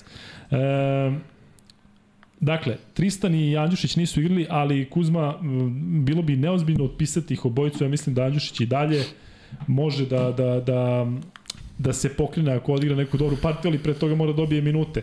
Ipak, mislim da, kako smo juče rekli za Ilića i za Kuzmića, da to nije bilo iznenađenje što nisu igrali, tako i ovo, nažalost, nije, nije iznenađenje. E, ja, i, I tu kad pričamo o nekoj podršci klubu za koji navijaš treneru kojeg poštuješ ili manje poštuješ, ne voli se svaki trener ovaj, uvek isto i nema uvek istu podršku javnosti i tako dalje, ali prosto tako tako funkcioniše. Ja nikada ne mislim da postoji igrač koji je otpisan. Samo zato što u tom slučaju otpisivanja trener, trener i klub rade protiv samih sebe što niko normalan ne radi, prema tome jednostavno imaš neke odluke zašto se nešto dešava, zašto se ne dešava, svi moraju da se povinuju i pravilo, zlatno pravilo je bilo, ćutiš kad se pobeđuje. Kad se ne pobeđuje, možeš budeš najglasniji i da tvrdiš da je to zbog toga i da isteraš neka svoja prava, ali kada se pobeđuje i kad je rezultat dobar, prosto prihvatiš činjenično A si stanje. imao to u, u karijeri svojoj da ti nisi bio na nivou koji si ti očekivao i kako si ti želeo da preneseš klubu, a da je klub igrao Jesam. dobro i kako si se tada ponašao i kakav treba da bude mindset. Evo ovako, znači ja, moj, moj najgori period, sad to zvuči neverovatno, ali prilično istinito. Moj najgori period u karijeri je drugi deo u Zvezdi. Promenili su se treneri, potpuno smo izgubili koncepciju igre i eto sticam okolnosti, majka je skupljala ove izveštaje iz novina. Ja mislim da imam jedno četiri meseca od osam meseci sezone, četiri meseca sam stalno u, u, u, u dvocifrenim poenima. Stalno, svaku utakmicu. Kažeš drugi deo, misliš drugi deo sezona. Drugi deo sezona. Ali čekaj, ti si, koliko si igrao u, u finalu Kupa Koreće tamo i ovamo si igrao? Ne mnogo. Ali si igrao? Igrao sam, ali nisam igrao svoju igru. Nisam, nisam znao šta se dešava. Da. Pa ne, ali ja nešto pamtim da je bilo na nekih 15-20 minuta, nije. Mm, Bilo je minuta, nije bila moja igra. Aha, I jako mi je to teško palo zato što smo izgubili koncepciju i to ne samo ja, mislim da smo se svi ovaj i a međutim šta, uzima se titula, je li tako? I bio sam najsrećniji na terenu kad smo uzeli titulu jer si doprineo kroz šta god hoćeš, si doprineo o, svojim igrama. I drugi put je bilo u Belgiji, prosto potpuno novi svet za mene i neke druge drugi odnosi i sve nešto tako da e, imao sam veliko uvažavanje svojih saigrača što je bilo divno, ali prosto nisam se osjećao na svom. Ovo sve ostalo nemam, nemam primetbi. e, ali kakva je poruka za Andjušića? Sad, Trpiš, trpiš, trpiš, ne trpiš. Str, uh, te sam kažem da budeš strpljiv. jel može da ti Trpiš. nadoknadi to što ne igraš, to što klub igra dobro, u smislu da ti apsolutno u Nema šta glavi ti- nemaš nijednu negativnu nema šta ti ne, ne, nema šta da ti, nema šta da ti ovaj tu sad bude u redu ili ne u redu. Uh, vraćamo se na ono što ti pričao juče, iskrenost. Prvo da budeš samo kritičan, da budeš od, iskren prema sebi i kažeš ovako, evo, evo opet ću nešto iz, iz, iz, iz, iz ličnog iskustva. Kad sam došao u budućnost na svojoj poziciji sam imao Vladu Šćepanovića i Harisa Brkića. Šta sam mogu da radim? Da kažem, ok, ja ću da sedim, oni će da igraju, ja ću malo da uđem, ili da radim sve što mogu i da zaslužim te minute. I stvarno je tako i bilo. Ja ne mislim da mogu da se rangiram, ne moram da kažem da sam loši, ali ne smatram ni da su oni nešto mnogo, mnogo bolji. Prosto, ono što smo radili na terenu je bilo jedino merodavno. Iz muta izabrao da to budem ja u, u, u velikoj minutaži, ja sam to radio dobro i to je to. Dakle, borio sam se sa mlađim igračima, izuzetno talentovanim, ali nisam priznavao da su bolji. Prosto zdrava jedna konkurencija, pa nek dokažu da će oni odigrati još bolje, nemam ništa protiv. Tako da e, mora da bude strpljiv, mora da zna da je ovo do njega, jer sigurno, sigurno negde nešto ne radi dobro. Sad ja ovo sve pretpostavljam. Nemam Evo Dule naš kaže e, jedina mana loša odbrana, ali moguće da je to srž problema. Da je on pa ipak, kako nije? Znaš kada kažemo rupa u odbrani, ali nekako odskače ipak jednostavno. Ako, ako odskače, ako odskače, a nije jedan na jedan, nemaš problema ako je on jedan na jedan loš. Pa Ima ko zamaskiraš da, ga, da. jeste. Ali ako je loš, u 5 na 5, to je onda problem koji se stalno ponavlja. Ne možeš da ga zamaskiraš. A koliko kod takvih vrhunskih napadača koji ima je akcent potpuno na šutu, mislim ima tih ono primere koji odmah prvi padaju na pamet, ali koliko kod njih zaista je teško da očekuješ dobru odbranu, koliko potrošnje na obe strane trena, zato što znamo kada se govori o tim dvosmenim igračima u NBA ligi koliko su dobri i koliko ih ima malo. Ali Andjušić od koga očekuješ da natrpa koš trojkama i da toliko učestvuje u napadu, da bude dobar i u odbrani, jednostavno kao da nije takav tip igrača, ali on Partizan očigledno to nije... Se, slažem se, ali evo, ajmo, ajmo sad dalje idemo. Na primjer, Diamantidis je bio nenormalno dobar u odbrani. Kakav je Rakac bio odbrani? Samo kad hoće. Pa to, to, da. Ali samo kad hoće. Ali je na račun napada? Ne, ne, kad hoće. On, na primjer, igra i daje 28 poena i onda reši da nekoga u nakazi i ovaj ne može spustiti loptu. A onda samo reši da to ne radi više. znači, samo pitanje pristupa i vodnog momenta. Kod brzih igrača, kakav je on bio, to stvarno može da bude, ej, samo da kažeš, ej, sad ću malo da se spustim u stavi i, to je to. Uh, ajde ovako, Diamantidis je bio odličan defanzivni igrač i odličan napadač. Ali, na primjer, Spanulis nije. Kako se krio Spanulis? Uvek je birao najslabiji u kariku Jeste. po timovima. Ajde makar to, ali sad kada se radi neka zajednička odbrana, opet, opet visilo. I posljednja sezona njegova, cela odbrana Olimpijakosa je visila baš zbog toga što on nije više bio u elementu. I to su sada neke drugačije stvari jer se igra drugačija odbrana, pa zavisiš stvarno od velikog broja faktora, tako da eto to su neke to su neke stvari kojima bi se ja posvetio i i i i negde već 4 meseca unazad bih ja dokazao da mogu. Samo to. Ne, ne bi vežbao šut, ne bi vežbao ništa, samo bi to dokazao da mogu da ukapiram. I onog momenta kad pokažem da mogu i da sam najbolji u tom segmentu, e onda imam puno pravo da očekujem da, da igram. Da li me razumiješ? E, veliki pozdrav za sve kamionđe iz Kanade. E, Tamo je još uvijek sneg, čovječ. Da, e, Kuzma za Tristana, e, koji takođe ne igrao, je li ovo prilika za njega, e, što Leso neće igrati na tri meča? Da, da nije Luther Head iz Houstona. Sad ćemo da ukucamo na internetu. Eto. Ajde. Za Tristana Vukčevića. Fantastična sezona. Njegovog kluba u kojem on trenira sa... Jeste Lutherhead. Eto. Ko je to napisao? Daj free betove sve do kraja sveta i veka. Lutherhead. Kolja Kuzmanović, sve free betove. Au, Baš se zove i preziva kao moj sine. Šta je stvarno kolja? Nemoj mi zezati. Pobećao si sve free betove. Ludar. Dobro, da tek sad shvatim. Uh, Grba. Luther Head. Grba je rekao. Grbo, ti si moj idol. Luther Head koji je igrao za Caceres, ne Et. za Caceres, za Valladolid, a igrao u NBA ligi, otkud ona treningu u, u Las Vegasu prolazio, i on Prolazio, stav u auto. Neverovatno. Au, rešio si mi dilemu veliku, Et. svaka čast. E, Kuzma nastavi za Tristana. Dobra sezona njegovog kluba. Prilika da na jednom visokom nivou trenira sa svojim ozbiljno dobrim saigračima, da uči, da on bude bolji. A, opet vraćam se za nešto iz mog, ne mogu kažem detinstva, nisam tako mlad bio u prvom timu. Koliko ima godina? 18, 19? 20. Ko? 300? 300, 20. 20. Možda ima 19. 2001. ja mislim da je. Pa ne možda ima de- 19 nikako. Što možda ne ima samo dva. Pa ako je 2001. ne možda ima 19 nikako. Koliko ima godina? E, kažem ti ima 20. Šta Ma kaže? nema 22, to je mnogo. Pa da je 2000. 2000 to je bre Smiley, ovo je, ovo je 2003. 300 Vukčić ima 20 godina, smeo bi sad da dam sve. Ćete, Sve ove da, vidjet ćete su to. 19 i 4 meseca. U martu čovjek napunio 20 godina. Eto, 20 godina, Da. dobro. Znači, od prošle godine igra sa, sa ozbiljno dobrim igračima. I e, ja sam imao tu sreću da u, da u OKK Beograd dođu Slobodan Nikolić Bogosavljev, Zoki Radović i trener Rajko Žižić. Znaš ti ko je to bilo blago za nas klince? Jer stvarno imaš od koga šta da naučiš. Tako da, sa malom ili većom minutažom, sa koliko god da je igrao, ovo nije propuštena sezona, ovo je sezona u kojoj može mnogo da se nauči i on može da doživi jedan, jednu potpunu transformaciju u narednim sezonama kada sve to se slegne, ako on hoće da se slegne.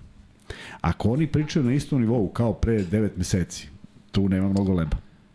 Da li me razumeš? Naravno, je- ali slična situacija kao sa Trifom. Trifa je prošle sezone bio ispod očekivanja i manje igru, ove sezone dobio šansu, jedan dolu sezone bio odličan. I, ta, i, ta, I to je, to je valjda i normalno za sa- mlade igrače, da je, jednostavno ali čekaš samo je- priliku i kad samo- je dobiješ. Tako je. E, samo je sad pitanje da li ćeš ikada da se promovišeš ili misliš da je već vreme da se promovišeš u vrlo bitnog igrača? A, u tim godinama o kojima pričam, ja sam smatrao da ću biti bolji od bar svoja dva saigrača iz OKK Beograda koji su već bili u 30. godina. I napravio sam bolju karijeru. Ali su oni tada bili ljudi koji su mogli da isporuče 30 poena, a da se ne oznoje. U prvoj B ligi ne mogu da ti objasnim. A ti znaš da ćeš jednog dana doći do... E, taj dan dođe, ne dođe svakome. Nekome ne dođe. Ali ja sam izabrao put, pa bio uporan, pa, pa, pa je došlo. Bio je jedan od njih, bio na ručku onom koji smo ručku, da. Jeste. Aleksa Milošević, doktor Aleksa Milošević je čovek koji je mogao da da 30 poena da se ne oznoji. Levoruk, a tipično građan, kao, kao bokser, m, ovoliko je skakao. Levi ulaz, nemaš uopšte pojma kako da braniš, jer je, jer je van svih, van svake logike, a šut sa zemlje. I to samo onako, samo je pljucne. Dakle, bio je opasno dobar strelac u prvoj B ligi i, i, i gledao si ga i pomislio, e, jednog dana ću igrati možda bolje, možda raznovrsnije, možda lepše, šta god, ali u tom trenutku, e, Tristan je u tom trenutku sada, i o, Trifa je sad u tom trenutku, da on ne može da zameni nekoga sa ulogom koju imaju. Ali može da radi na tome da u nekom skorijem periodu se nametne ili se ne nametne. Ne može svako, nije svako prošao u Partizanu, nije svako prošao u velikom klubu, prolazili su u nekim drugim. Birali smo različite puteve. Ja sam otišao iz Beograda u neki klub koji nisam znao o čemu se radi, pa smo pravili svi fenomenalnu priču i, i na kraju i neku karijeru. Prema tome nije a opet za Trifu i njemu njemu slične momke koji se nalaze u tim takvim ovaj u takvoj situaciji Milan Karagić kojeg ja srećem na Kipru 92. čovjek koji je 70. godište kojeg smo svi gledali kad igramo gledamo u njega Znači, on je već bio formirani playmaker. Šta se izjelovilo za njegov prelazak u prvi tim Partizana, zaista ne znam tačno. Ali znam da smo se upozorili na Kipru ja kažem, čoveče, gde si nestao? A on kaže, jebi ga, nisam prošao u Partizanu. Ja kažem, "Pa, što nisi došao u OKK Beograd? A on kaže, e, jebi ga OKK Beograd. Dakle, to su ta, takođe vrlo bitne specifičnosti za svakoga. Trifa, ako želi da uspe u košarci, a ne bude mu destinacija Partizan, nije svakom suđeno, mora da potraži neku drugu da će dobiti tu ulogu. I možda ostvari više nego što bi išao ovim putem. Da. Prema tome, samo biti strpljiv, radi sa odličnim, sa najboljim trenerom današnjice, najtrofejnijim trenerom današnjice, a, verovatno i dugi niz godina da to niko neće, ne znam da li će ikada neko to promeniti, jer vidim da ne traju baš po Euroligi treneri više toliko dugo, a, novi sistem takmičenja, sad mo- možda će nekad, znaš, možda će uzimati na izgled, ima čirokanu, znaš, pa prodaje i tetovaže, pa prodaje mnogo slika na on, on, online, na, na Instagramu, pa bude nekom interesantno, pa ne mora ni mnogo da zna. Dok nije tako, dok ovi treneri znaju, treba učiti od njih. E, ima odlične saigrače, Sve je na njemu. Koliko je bitna glava tu i da li je bitna o, to samo je, to glava? To je, pa naravno. Dakle, ništa drugo, zato što vidi, to su očigledno igrači koji imaju, videli smo da Tristan može da odigra, videli smo da Uroš može da odigra. Tristan je protiv Zadra imao, ja mislim, osam zakucavanja, šest iz Eliupa, pogodio tri trojke, dakle vidiš da dečko ima sve što je potrebno što se tiče košarkaša. Da, ako ih mi mojiđu povrede, što svima želim. Dakle, to je nešto što je poslednje uvek negde, samo da su svi zdravi, uvek, je, uvek dođemo do glave. E, evo, mi smo došli sada do Uroša Trifunovića koji je odigrao 5 minuta, šutnuo jednu trojku i promašio, ali je imao nekoliko dobrih e, reakcija, jedan skok, jedna... nekoliko dobrih reakcija. Dobro, jedan skok, jedna asistencija, to, bacio se da, po loptu za 5 učinak, minuta, šta Nije radi? to bio učinak kojim sad on treba bude nešto prezvojen da se priča o tome, učestvovao je u, u, u ovome, dao svoj neki doprinos, zaista, hoću da kažem, nije važno šta je uradio, nego samo konstatuješ da je za to vreme što je bio na parketu, da je to bilo sasvim korektno, mora da pojača odbranu. Uh, nad kim je napravio faul? Nad, nad Mekisikom. Je li tako? Mislim da jeste. Eto, to, to su neke stvari koje će mu uvijek biti poverene, je li tako? Da. Pa, što, zamisli da on Mekisika u 1 na 1 tri puta zaustavi da ovaj mora da baci pas. I ko te vadi iz terena? Što te neko izvodi? Tako da, to su stvari o kojima treba misliti. E, evo, fali nam još nekoliko lajkova do 500 tog. Prvo da se zahvalim na donaciji iz Švajcarske. Kaže Viktor Gašparovski, pravo vreme da vas pozdravim i da vidim jeste li proverili koji još se mene uzeo dres Brodzijanskog u Milanu, bilo super, vidimo se u Monaku.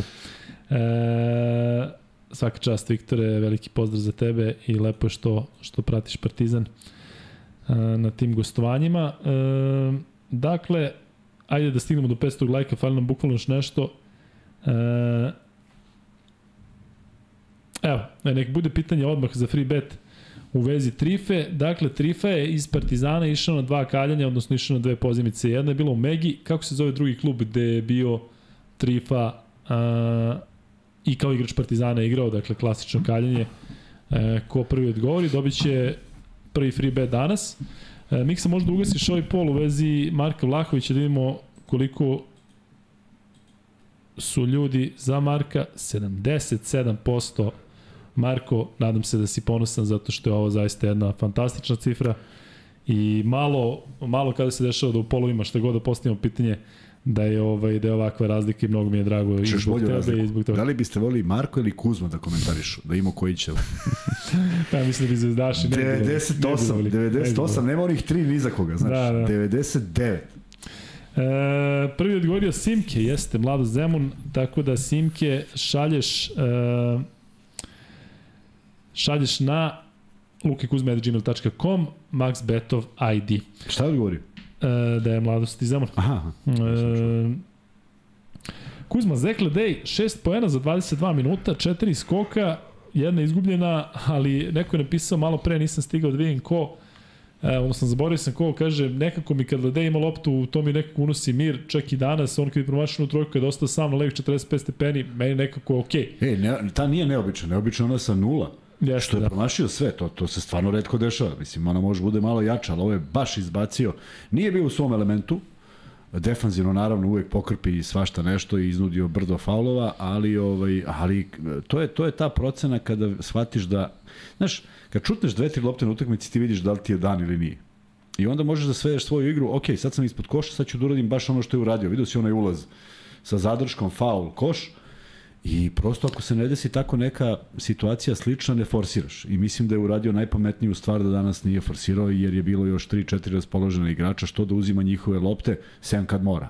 Ti šutevi su bili da vidi da li može da uđe u igru, nisu, nisu završili kako treba i podredio se igri ekipe. E, Zekla da će biti oni pravi kada to bude najpotrebnije, videli ste, opet se vraćam na taj meč pati Zvezde u Euroligi kada je preuzeo odgovornost, odlučio da sam reši kada je vidio da je ekipa tone, I od tog trenutka mislim da Partizan ušao u jednu dobru seriju.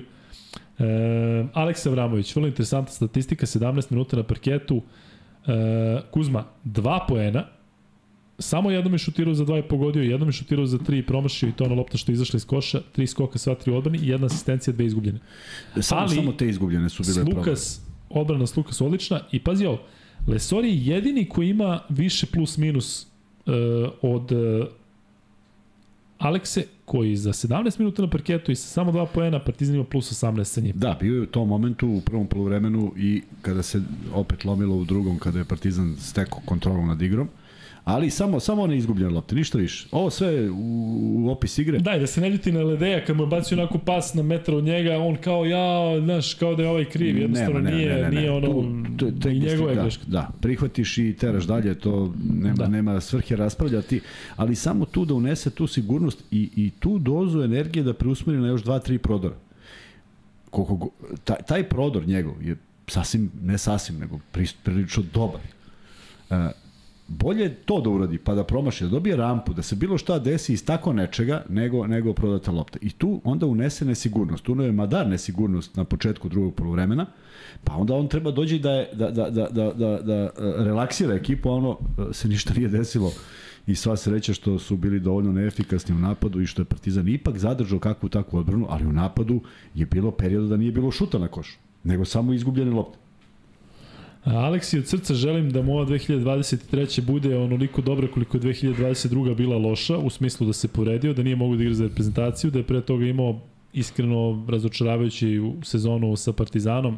Ne samo individualno, očekivalo se možda bolje od njega, ali jednostavno to ispadanje u, u um, u Evrokupu, pa zatim i neigranje, odnosno neosvajanje titula u ABA ligi, jednostavno sad mu želim da sa reprezentacijom napravi čudo, na svetskom prvenstvu, da za početak budu 12 i da naravno sa Partizanom stigne što je dalje moguće. Zaista želim da tog dečka vidim nasmenog kako uživa u, u pobedama Partizana. Um, Kevin Panter, Uh, Kuzma, interesantna statistika, 17 pojena, 0 od 3 za 2, Jest, 4 od 7 za 3, ništa, da. 5 od 5 sa penala, 3 asistencije, samo jedna izgubljena, ali Panter igra toliko smislenije nego ranije na početku sezone. Vidio si možda, uh, dajem konkretno primer, uh, kada je Papa Petru postigao onu trojku, kada mu je on bacio pas onako pod skoro dijagonali, Dakle, to je nešto što smo ranije gledali od Pantera 5 sekunde, do kraja napada on spušta ramena, on, spušta glavu, kretne da meša i samo pitaš da će za 3 ili za 2. Tako je. A sada jednostavno vidi igrača. I sad je tu trebalo da prođe vreme da on shvati da Jest. postoji bolje rešenje. Da on ima mogućnost da uđe u taj reket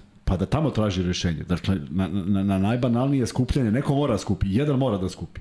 A na ovoj utakmici, ne Panter, ali za, jesi primetio dva ili tri uh, povratna pasa, van svake logike. Jeste, jeste. Neko se zabo nije znao gde, pa nađe čoveka, pa vidiš da je potpuno jest, sam. Dakle, jest. snalažljivi su. Utrčavanja su bila nekako upravo na posljednjem trenutku, tek da bi išao na, na skok, pa samo upravo mu to. I Panter kad ne uradi ono da, što, jest. da sagne i da šutne, jer to svi očekuju, kad se zaleti, jedno rešenje je njegovo, A drugo rešenje je, pa jedan mora bude sam. Neko da. je povukao korak da uđe u reket. Ali pazi koliko to sada u, u delo drugačije, kada on na 4 od 7 za 3. Da, da. Nikomu ne bi zamerio da je šutnuo tu trojku na istiku niko, napada niko, sa ovakvim šutom. A on je ranije na 0 od 6 Tero Ajde da, da, ovo. Tako. Prosto ovaj, pa, milina gledati kako ali vidi, znaš kako se, znaš kako se, znaš kako se sada Papa Petru vrati u odbranu posle takvog pasa i, i svi. Tako. Nego, zamisli kad gledaš iz meseca u mesec, babam, bam, bam, a ti onda iz tog ćoška opet imaš najduži onaj trči, pa sad lomi se, čuvaš nekoga. A pritom i kada, kada toliko ima takav igrač, napadač, poverenja u tebe, nekako ti to ono daje dodatno da daš trojku koliko što je Madar da onu protiv Zvezde u trećoj četiri jednostavno moraš da daš, nema druge dakle sve se potpuno slaže. E, Smajlagić 7 minuti 40 sekundi na terenu 5 poena jedna trojka, e, jedan od 4 za 2 Smajli daje dobru energiju, ali E, nije realno da on ima neku, ne znam kakvu minutažu, dakle tu je da zameni Lesora ili da prepomogne Lesoru, mislim da je on prihvatio tu svoju ulogu i kažem danas on je odradio, korektno. Da, on je odradio dobar deo posla u smislu tih poena koje je postigao iz malo šuteva, jeste da je bilo da je u drugom polovremenu rampa fala nezgodna pozicija bio je mnogo ispod koša. U prvom se borio, što je najvažnije, otežavao, još da je bio malo grublji, Sad ne znam šta je zamisao. Možda mu je Obradović rekao da baš ne pravi faul stalno, jer će Partizan mnogo brzo ući u bonus i gubiš jednog visokog igrača, ali video si onog momenta kad je na svako preuzimanje kad je bilo moguće, svako je došao i, i malo ošajatio fala ne bili ne bili šutno slobodno bacanje. I to se ispostavilo kao prilično dobar moment zato što do kraja utakmice gledamo samo to. Više fal nije davao neke lake poene. A Smajli uradio svoj deo posla, pogodio, malo raširio. E, mislio sam da će Partizan uspeti više da reši izlazak fala, međutim pokazao se kao prilično zajeban igrač zato što je mnogo visok. I kogod se oslobodi na šut i on samo podigne ruku. Koje nisu, rekao sam, mnogo, mnogo, mnogo je zeznut igrač. Interesantan igrač, da. Juče si me nešto kad sam psovao si pa ti kad psuješ ti ne možeš da zaustaviš. Jes, ja kad krenem.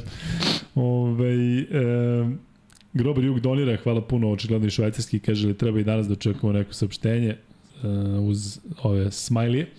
Ali uh, što se tiče stvarno smajlija, Kuzma, deluje da je i dalje nesiguran. Kako to iskore... Smiley, da i dalje nesiguran. Pa Sa tim da. nekako onako primi loptu, pa kao da hoće da, da, znaš, nekako nema opuštenosti, ili ono dobre opuštenosti, dakle, koju vidiš kod većine igrača Partizana. Da li je to povezano sa tim gde on zaista zna da ima ograničenu minutažu, ne. da neće igrati 30 minuta i da za tih 10 minuta hoće što više da pokaže? Ne, ja mislim da mu još nije leglo sve to što treba da legne. On još uvijek to radi zato što mora.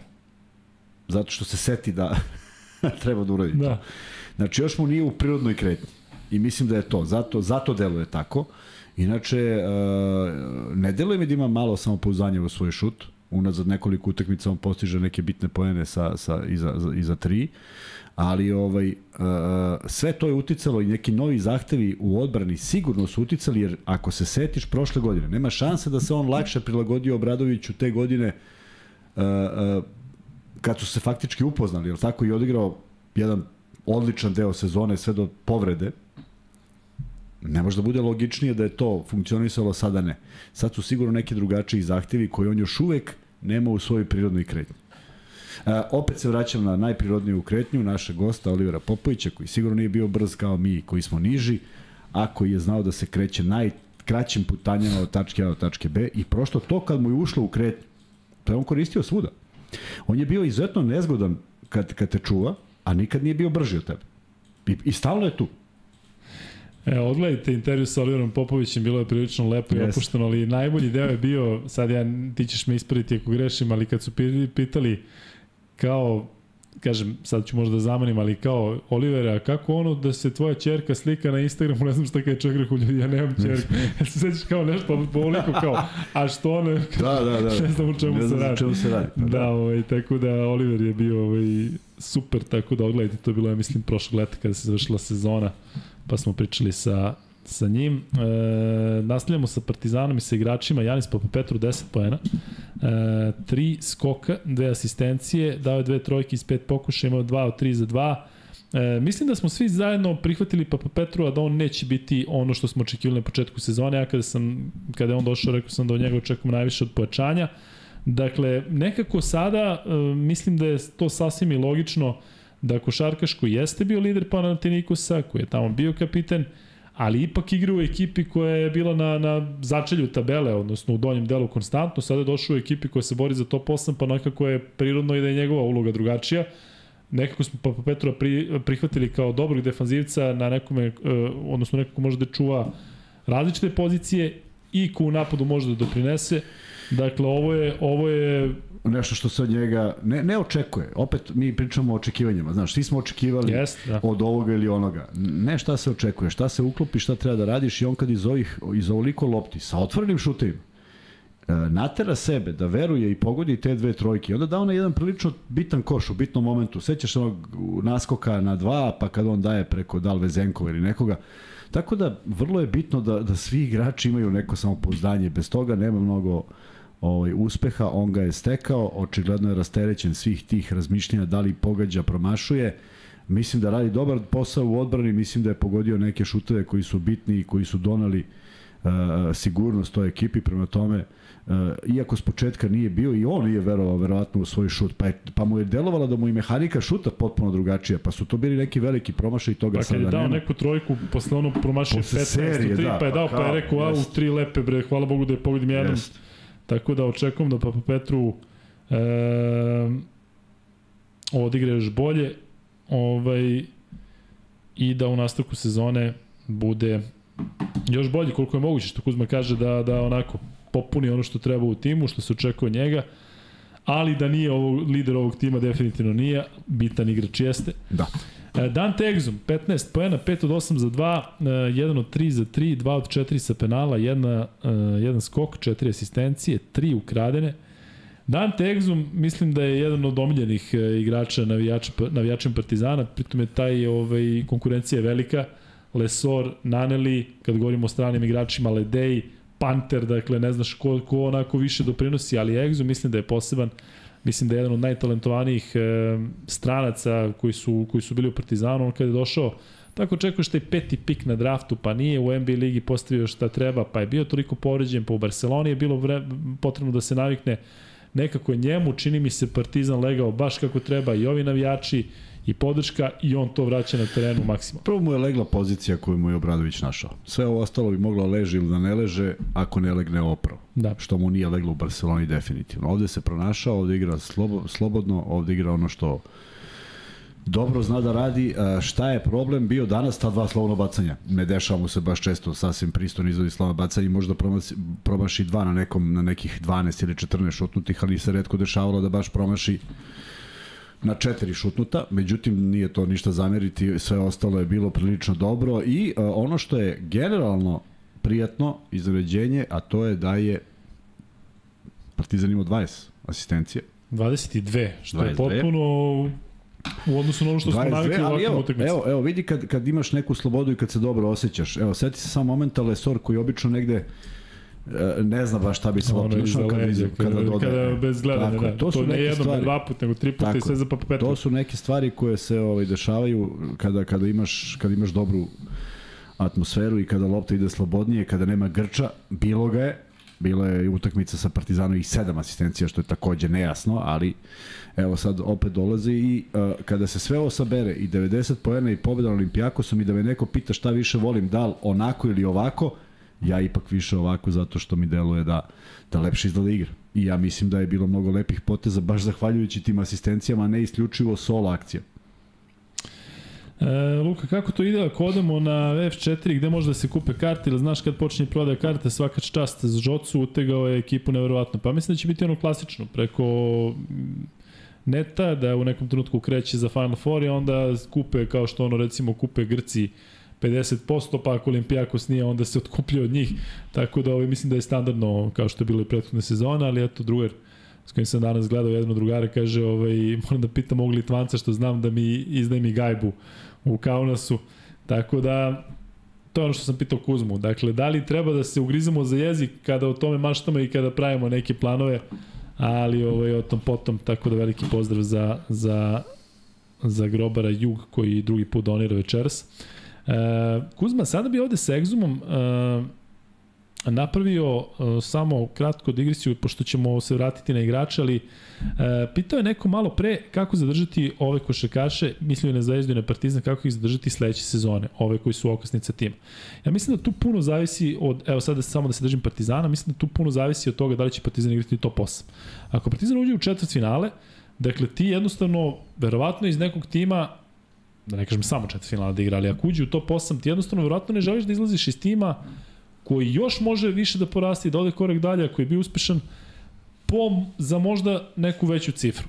A, pritom, da se razumemo, ovde je bio predsednik Partizana pa je pričao o tome koliko Partizan zarađuje od karata ove sezone. Ako Partizan uđe u top 8, pa ja to samo mogu da zamislim kako će, kako, koliko će klub profitirati od eventualno te dve utakmice koliko, a kamoli ako se bude igralo više utakmice, odnosno ako Partizan ovaj, ne može da igra više utakmice u, u, u, u četvrt finalu, ali svejedno, dakle, e, koliko, hoću da kažem, zavisi od toga kako će biti sezona, da ti pregovori sa igračima kojima ističe ugovor budu lakši. To je od igrača do igrača. Ne možeš da generalizuješ, ne mogu svi da budu zadovoljni, je tako? Mora jedan da kaže nešto mu nije odgovaralo evo sad smo nabrali tih osam. jedan, jedan će tražiti neku drugu sredinu. E, konkurentnost drugih ekipa. E, bojim se da mnogi igrači ne biraju, ne bir, nemaju prave motive. Opet govorim samo iz ličnog aspekta. E, nikad, nikada u, u mojoj karijeri nije bilo e, da sam jurio više novca na uštrb nekih drugih zadovoljstava, što ne kažem da je ispravno, samo kažem kako sam ja. Voleo sam da radim sa određenim trenerima, voleo sam e, neki mir, voleo sam saigrače koje sam imao, dakle ja, ja sam tako birao. Kako će neko birati zavisi stvarno od čoveka do čoveka. Ne znaš ni u kojoj situaciji. ne znamo kako oni žive, koliko sredstva odvajaju da šalju kući nekome. Imao sam sa igrača sa 10 braća i sestara. Dakle, on... Jones. Ne, ovaj, da. kako se zove? Čomba. Čomba im. Nije Čomba, nego... Ron, Ron Ellis, Ron Ellis u Belgiji. Ja ne znam koji deo je on odvajao za porodicu. Dante Jones je zadržavao 10% od plate, sve ostalo je slao kući. I ako je to jedino mere... Neko izgleda rokao na Blackjack. Pa moguće, ne znam. Ali hoću kažem, to su, to su stvari koje svako bira. Što se tiče, mi znamo da, da, da uh, konkretno baš dva trenera koje su u Beogradu, i Obradović i Ivanović, imaju mnogo igrača koji su želi da sarađuju s njima dugi niz godina. I to koliko je, recimo, koliko je to bitan i presudan faktor da ti radiš sa najboljim... Bitan, tako je, to je vrlo bitan. E, i tu, e, i tu, sada, tu se sad prave kozmetičke stvari. Ja ne znam red veličina, stvarno ovo što pišu po novinama niti znam, niti me zanima, niti znam cenu bilo kog igrača, ali ajde da kažem ovako, neko košta 500.000 a može da ostane ovde jer mi smo ipak tu u Beograd, trte mrte, 382 i 600. Ali imaš tu poziciju u ekipi i radiš. I onda neko kaže važi, neko napravi kompromis, neko ne napravi, neko smanji za 2%. Ali možda mi zamisliš recimo Lesora, dajem primjer Lesora, da će on da ode možda za neku veću cifru. I koliko u tim situacijama je bitan menadžer koji će da kaže, e, Dobro, ovde lupam sad, ovde 500, ovde možda još 800. Oklahoma zove Lesora, treba im da igra 12 minuta. Oni upišu ugovor 12 minuta. I on kaže, idem. Ma kakvi ma, resor. Ma ne znam. Ne, ne Tamo znam, da menja ono u Oklahoma. Ne znam kakav je čovjek, nego ću ti kažem 18 miliona. Treba da mu puste onu epizodu Chandlera kad ide u pa Tulsa. Znam, pa znam, da. Pa da, da Paris, kako... Znaš kako, tako da, da. to su zovu Paris Oklahoma. Da. Ovaj, um, što se tiče konkretno to zavisi, to, to ću kažem, zavisi od čoveka. Neko će prihvatiti, neko će reći baš me briga koliko to košta. Ali evo ti primer Exuma. Exum je kao peti pik na draftu, ja sada iz glave govorim, ja mislim da je zaradio jedno 50 milja u, u, u ovih 6-7 sezona u NBA ligi, sigurno. Dakle, nekih između 40 i 50 miliona kada se oduzme, oduzme porez, to je manje. Dakle, da li sada, kada si ušao u, u, u pritom je momak pametan, tako da ne vjerujem da je, ne znam šta uradio s tim novcem, ali da li sada više novac nije toliko bitan faktor kada si toliko zaradio? Zato što njegova situacija ipak specifična, pa, on da li, je bio NBA ligi. Kažem, speci, da, on, da, sve je individualno, da. To je to. I sad, sad druge danas kaže, pa hoće njega da vrati u NBA ligu. Ma hoće možda, ali, da, on hoće. Ali evo, vrati, vrati samo ovaj primjer. Uh, najbolja sezona Cirbesova posle onog momenta kad je bio backup Marjanoviću je sledeće godine. I on odlazi u Makabi. Makabi u tom trenutku je ekipa koja se plasirala u nekom momentu na Final Four, ponos Izraela, tako veliki novac i on, on bira da ode. A Exum ima drugačiji put. On je otišao u Barcelonu.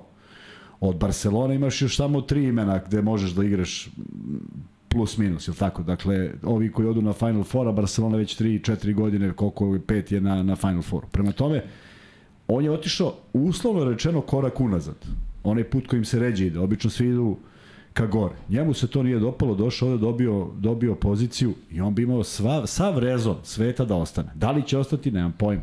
Ne znam, ne znam šta će mu biti ponuda i kako će reagovati na to, ali zato se i vraćam da je sve to jako individualno. Ne znam da li smem da pustim ovu fotografiju ili ovo je prijatna fotografija što mi je žena posla juče i kaže evo ga onaj tvoj, e, pošto nam je komšija, ovaj o kome pričam, kaže šeta psa tu kod naše zgrade, Ovaj, kaže, to je Jenkins. Jenkins.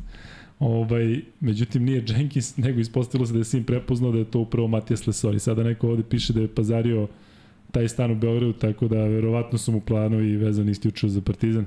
Tako i treba da bude. E, ajde, možemo da nastavimo sa Lesorom. E, Kuzma igrač utakmice sa 12 pojena i 10 skokova, 4 od 4 sa penala, što je meni uvijek najinteresantnije, 4 od 6, opet ima neko zakucavanje koje im podigne ekipu. Tri asistencije, video si ono što to kažeš, osjeća se dobro pa može da baca onako i bez gledanja. 26 indeks plus 24 odnos, ja i dalje tvrdim da je, da je za Lesora najbitnije da bude zdrav i da glavom bude potpuno fokusiran na to što se dešava na terenu, a ne na stvari pored. I koliko za Lesora može da bude problematično, nisam e, siguran kad se to konkretno donosi odluka, ali da li MVP njemu može onako malo da zavrti neke stvari u glavi ili da mu da, da mu bude potpuno... Vraćamo se ponovo, ne, ne znam, pa sve je individualno i kako će reagovati, ali sad kad si spomenuo, samo se vraćam na jednu, na jednu drugu stvar. Jako je lepo kad te zaštite tvoji niski saigrači, a zaštitili su ga u broju falova koje su rokali na falom da ne bi on. Ali si razmišljao o tome da je Olimpijakos konstantno vrteo taj pik gde se faul spušta ne sa Lesorom. I u suštini faul, faul nije uopšte ubacivao u problem Lesora, nego je ubacivao problem različiti šest igrača koji su rotirali i svaki od, se prijavi. E, vidiš sad odsustvo... Da, Lesor ostaje, ostaje sa Lukasom u preuzimanju od 8 puta. Pazi, odsustvo nečega što je najbanalnije. Da, da. Fal, idi dole, nemoj da ideš nigde i maši. I on ovako maši i ti mu baciš loptu i onda on sa Lesorom, nema ko da preuzme. Ali to su sad stvari koje ne znam, malo je glupo reći da ja pričam nešto o Papasu koji, koliko sam razumeo, sa Barcokasom je pola života i gde god je ovaj radio, radio i on, ali eto, to su neke stvari koje su uh, uh, uh, uspela da sačuvaju um, da, se, da, da ih se sačuva Lesor, jer on je sad navikao da čuva niske. Vidio si koliko je on nisko u startu i njega niko ne obilazi tek tako. Tako da, ovaj, šta će biti sa Lesorom? Ne znam, zato što ja mislim da se on ovde odomaćio, da mu se ovde sve dopada, da su velike šanse ako mu se ponudi ugovor da ostane, da, da, da li će poleteti, da li će ga ta nagrada promeniti, nemam ideju, zaista. Nije... Dobro, ovo je, ovo je dobra preporuka za one koji odlučuju zato što je u direktnom duelu protiv Ezenkova, nisu se toliko mnogo čuvali, ali ovaj MVP 1, MVP 2, on je danas je igrač utakmice da, Partizan da, ovaj pobedio. tu nije ništa nije uradio. Mislim, ne vidim ko bi treći mogao da figurira da bude MVP, A, možda, ne znam, možda da, ne, Miritić. Ne, ne, ne, znam, ne znam zaista, da. Pa vidjet ćemo kako se bude odvijelo i u krajnjem slučaju ja sam uvijek bio za to da da postoji a, a, neka titula koja se zove lige regularnog dela. Zato što je logično da je MVP ne može bude iz, iz, iz onih koje su poražene, pa tamo on odigrao pet najboljih utakmica na svetu, već su to ljudi da. sa Final Four. Ali dobro, zato se i zove MVP Final Four, tako da... Tope laku noć, uživaj i e, odmori pošto radiš sutra. Crni grobar kaže Luka za milione ne bi menjao scenu posle utakmice i facu ljigavog Lerenzakisa, jes ljigav, znači onako delo je opas. Ja bih volao da uvijek takvi igrači imam u timu, ali ovaj, vidio sam ja to. Milan Radman donira i kaže pozdrav i hvala za trud i uloženo vrijeme. Zadovoljstvo je zaista pričati sa vama Milane. Uh, Kuzma, ostano mi još Naneli. Naneli koji je prema mom mišljenju jednako bio kandidat za igrača utakmice s obzirom na to da je 19 pojena, 4 od 5 za 2, 3 od 6 za 3, 2 2 sa penala, 4 skoka, 5 asistencija, dve ukradene. Ljudi, ja Nanelija ne pamtim da ima onakve reakcije kada postiže trojke, ne pamtim da ima onoliko zakucavanja, dakle da je onako siguran da zakucava iz naskoka, iz koraka. Uh, u Makabiju je njegova uloga bila drugačija, više je bilo onako spot-up shooter, ali fiksno to doprinosi u odbrani. Makabi duše igrao češće zon, mnogo više zonu nego Partizan, ali evo kada smo rekli za Exuma, zaista delo je da se u nekako sve sklopilo da u Partizanu ovaj, sada funkcioniše. Vratio se na ono što je igrao u Feneru i on se Jeste. tako dobro i osjeća. Ono, ono prošle godine što je bio u Makabiju, bilo je tu nekih utakmica da, da, da nije mogao se sastaviti, bilo je fenomenalnih utakmica, ali videlo se da mu ne prija. I onda je ovde krenulo sa jednom velikom odgovornošću. Ja mislim da je on imao malo i previše ovaj, osjećaja da je on sad tu neko ko je najbitniji, a mislim da i jeste jedan od bitnijih, ali mu nije bio u formi, nije mu išlo sve od ruke i onda je ulazio u probleme i onda je već krenula i prozivka kao da je zaboravio da igra. Ne dešava se to baš tako, tako da mu je bilo vrlo stalo i zato mislim da su te, proizvod, su te reakcije grimase koje nisu bile njegov zaštitni znak, ali ovaj ali bodri se, bodri bodri sebe, bodri navijače, bodri uh, jednostavno celu ekipu i donosi ozbiljnu sigurnost jer on unazad 5-6 mečeva nema loš meč može da ima oliko ili oliko minuta, ali nema, nema uh, loše igra, nema neodgovorne igre, nema nerezonskih šuteva, sve je nekako svedeno kako treba. Agape kaže, ljudi nisu svesni da je ovo istorijski uspeh Partizana i srpske koške posle 12 godina. Ja jesam iskreno da ti kažem svestan i zaista se nadam da, da, da će ovo trajati što duže. Ovo je osjećaj uh, što se tiče Partizana. E, neko je malo pre pitao koliko će ovo, pitao naš Dule, e, koliko akcijnat Partizana koji je trenutno na Euroligi, koliko će uticati na njih u ABA ligi. Videli ste, možda ste čuli Željku izjavu na konferenciji za novinare gde je rekao da apsolutno je trenutno najbitnija utakmica protiv CDVita Olimpije ili Olimpije, kako on kaže. E, ja sam siguran da tako u njegovoj glavi, ne znam koliko je tako kod igrača, verovatno im on to prenosi, ali kod navijača Kuzma, jel Da li će ikoga interesovati šta Partizan uradi u ABA ligi ako se napravi neko čudo u Euroligi? Pa hoće.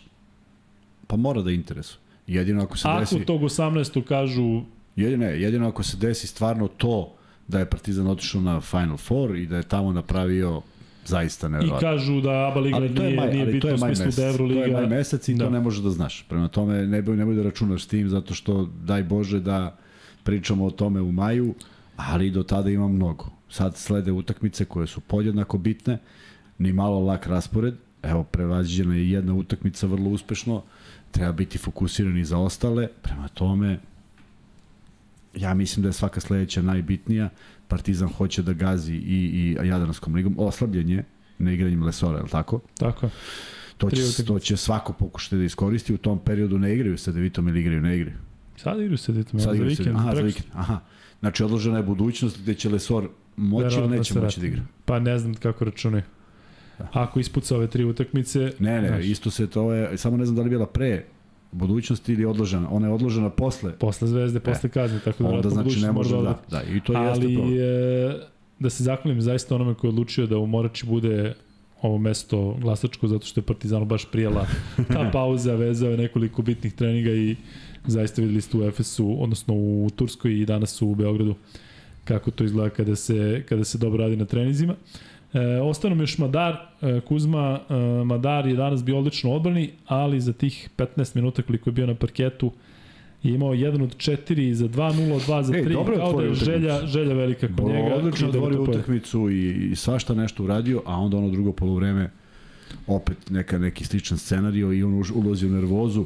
Ulazi u nervozu zbog besmisla, ona, ona izvođena, izvođena lopta da mu Vokap Jeste. skloni ruku, onda on napravi faul, onda on uđe u razgovor sa svima, pa onda odgovori opet i Obradoviću šta je bilo. M, Ne treba slažem da se da ima malo godina, ali, ali evo gledaš i neke drugi igrače koji imaju malo godina pa čute i Taman rad. smo mislili da je to iza njega, Da, da, taj, da, to, da, da, da. to sve što se dešava.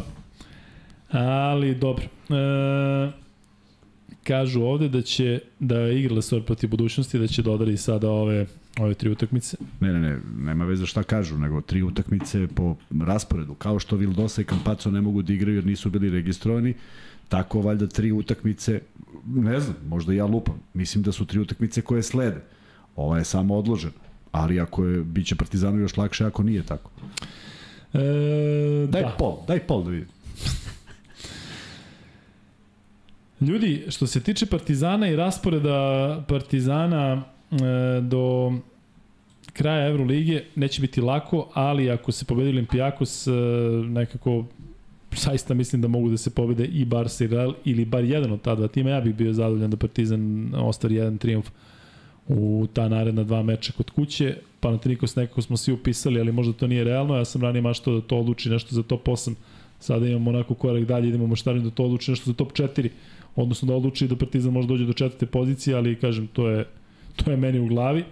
Ali što se tiče Partizana, kao što je Željko rekao, dakle, sada je akcent apsolutno na ovoj utakmici koja se igra protiv e, CD Vita Olimpije, dakle nema nikakvog, e, nikakvog odmora, Partizan će igrati bez Lesora, kažem i tom dečku je potreban potreban, potrebna pauza e, da taman odradi trećinu ove kazne. Partizan, dakle, protiv CD Olimpije igra sutra već, pošto je počela subota igra u nedelju u 19 časova, Partizan zatim dočekuje Barcelonu i Real u duplom kolu Euroligi, Partizan igra protiv Barse u utorak, pa onda, Pa onda protiv petak. Reala u petak. E, zatim ima gostovanje Monaku, 7 dana kasnije i onda za kraj Panathinaikos sredinom aprila, odnosno 14. aprila, tako da sada nekako sve lakše Kuzma posle ove pobede Jeste, posle jeste, mnogo je Olimpijakosa, lakše i bilo bi više mnogo- pritiska i bilo bi- namestili su te neki rezultati. Da, i bilo bi mnogo, mnogo drame sad i za CDVitu. Ako da je nervoza, da je loša atmosfera, da je izgubljena utakmica, pa onda, pa, znaš kako, odmah se sruši sve. Nema sad kao, ima, ima nova utakmica, nego odjednom se sve ruši, tako da u dobrom raspoloženju dočekuju utakmicu u kojoj će morati opet malo da se pomuče i sad ti rezervisti i Smajlagić ne kao rezervista, nego kao čovjek koji mora preuzme malo više minuta, Ledej, Tristan, apsolutno svi koji budu mogli da, da, da Brodzijanski da se vrati jer. Cedevita, Cedeviti koja je sezona toliko naopaka, naročito u onom Evrokupu, da toliko loši budu u jednom lošem Evrokupu je nešto neverovatno, a pritom pobedili su Partizan u, u- u Ljubljani. Mislim, I sad će oni da se vade, to, to su sad utakmice na kojima se vade. Playoff ABA lige može da bude taj neki gde će oni da traže neku svoju šansu, kao i, kao i ove utakmice koje predstoje sa Partizanom i sa Zvezdom.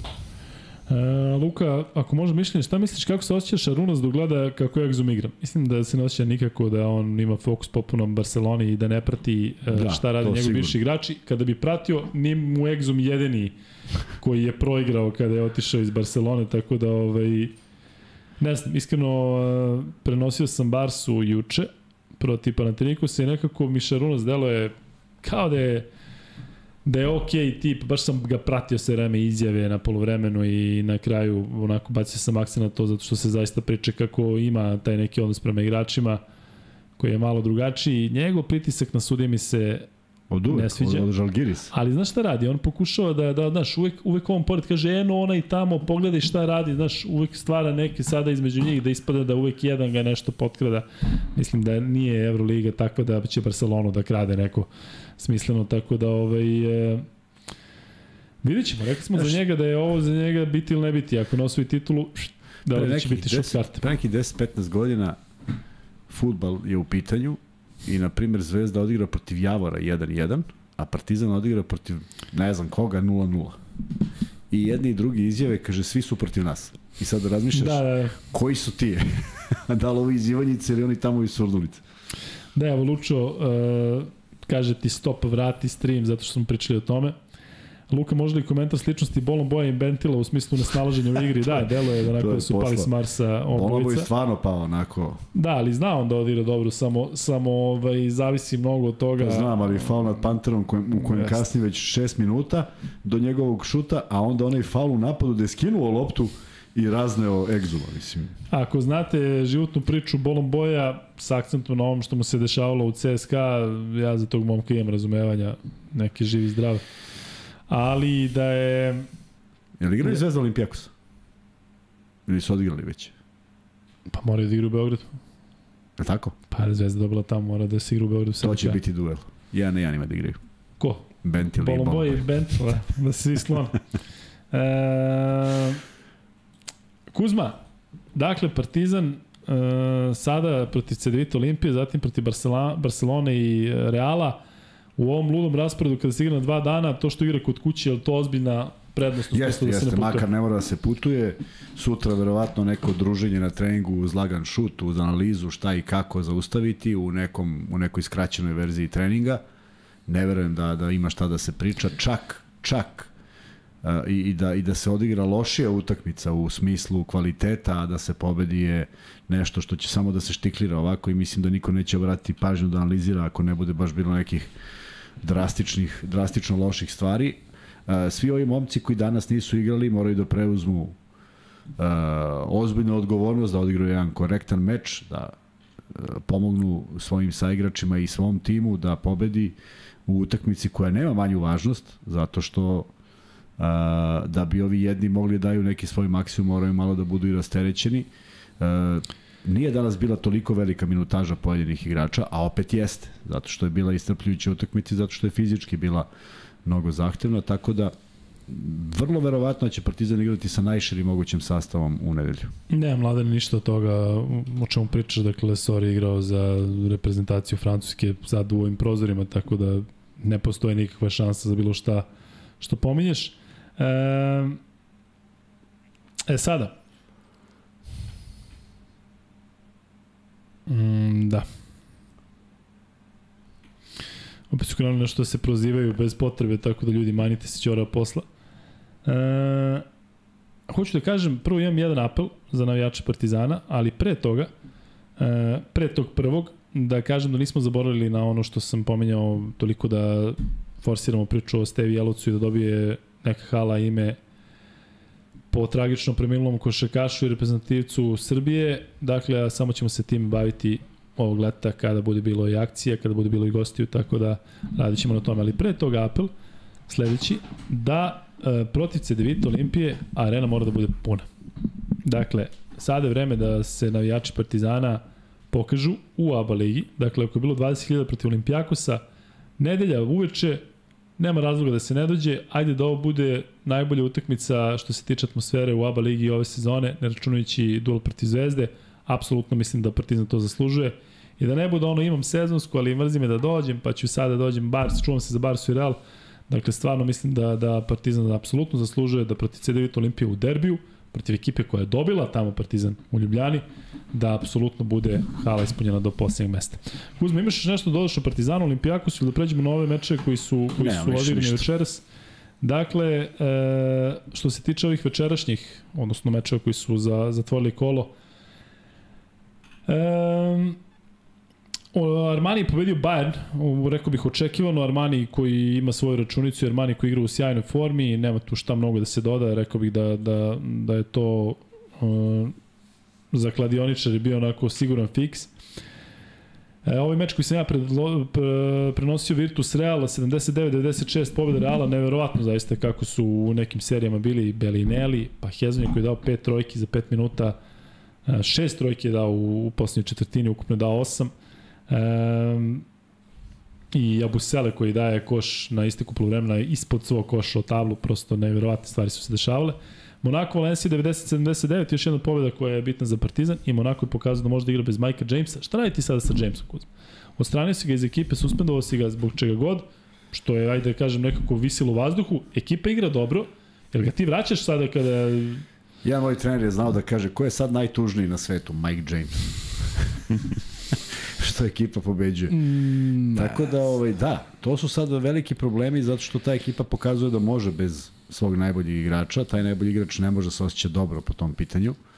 Nema više kredibilitet taj zato što a, i ti igrači shvate da je nešto potrošeno što nije moralo da bude ili da su mogli da budu bolji i onda se stvori još jedna jedna jako loša atmosfera, a to smo svedoci da je i Tudis pokušao nešto tako i vrlo je moguće da je to puklo na relaciji sa igračima, ne samo sa i Tudisom. Prema tome, kad god se tako nešto desi, ne završava se dobro. E, Ceni Grober kaže, Luka, očekujem te protiv Cedevita u areni. Znaš šta je problem? Što ako dođem, dolazim na 10 minuta, radim u pola šest u nedelju ili u šest nekog, pritom Coka Cokče i njegove Sofija Slave rođendan. Ali radim u pola šest Izraelca, pa radim valjda u osam Slovenca. Tako da će biti ovaj, teško doći, ali bar na kratko bih mogao da se pojavim definitivno. Uh, tako da javlje. Javlje ako ovaj, Ako si tamo, Luka vraćanje James trener sa ekipom, ali čas nije igrao, želimo Monaku da nastavi ovako da igra bez Jamesa. To je moja želja Saši Bradoviću i Monaku. E, to je to ljudi što se tiče Evrolige. Dakle, sada prelazimo na ABA ligu. Rekli smo sa kim igra Partizan. Ovde su postavili pitanje, ne znam kom da li si ispratio, kažu da je bilo ludilo na ovom meču Zadar i Gokeja. 67, 68, neko nešto e, se dešavalo. Nisam da shvatim što nisam video šta se desilo u prvom polovremenu. Neki prekid je bio. Jeste. Završnica je bila, to, to sam, sam ispratio ja samo kroz, ovaj, kroz poene. Vidim da je Tanasković potpisao za Breogan i baš mi je drago što ide da nastavi karijeru tamo. Pratit ćemo ga preko ovih naših što su javiću tamo. Da... Dejanu, da, javiću Dejanu Miloševiću da, da ga dočeka. Lepo dočekajte malo. Da, da, da, da. da. Ovaj, velika pobeda i Goke, bitna, na malom broju poena sa teškom mukom, ali zaista nisam uspeo da vidim jer sam tu informaciju video baš pred polazak ovamo i nisam video šta se desilo. Um, parovi su sledeći. Uh, Borac igra protiv Skoplja, protiv MZT-a, to je derbi začelja, uh, crnogorski derbi u okviru da, lige. Da, bitna utakmica za Borac, igra u Čačku. Jeste, da. da. Uh, studentski centar igra protiv budućnosti, inače Malina je tamo u Čačku i vodi oni Čačak 94, ja sam da se znao. To mi druga rekao kad smo pričali gde je Marinović, on je preuzeo ni drugi klub iz pa Čačka da. koji igra u KLSO. I tipa ima tamo i u stručnom štabu i u, u ekipi ima poznatih imena, tipa Mladen Pantić i ostali. Dakle, ima ono viđenih likova. E, tako da želimo im naravno da želimo Čačku da ima dva dobra kluba, a Marinoviću zaista da njegova trenerska karijera bude usponu što je više moguće.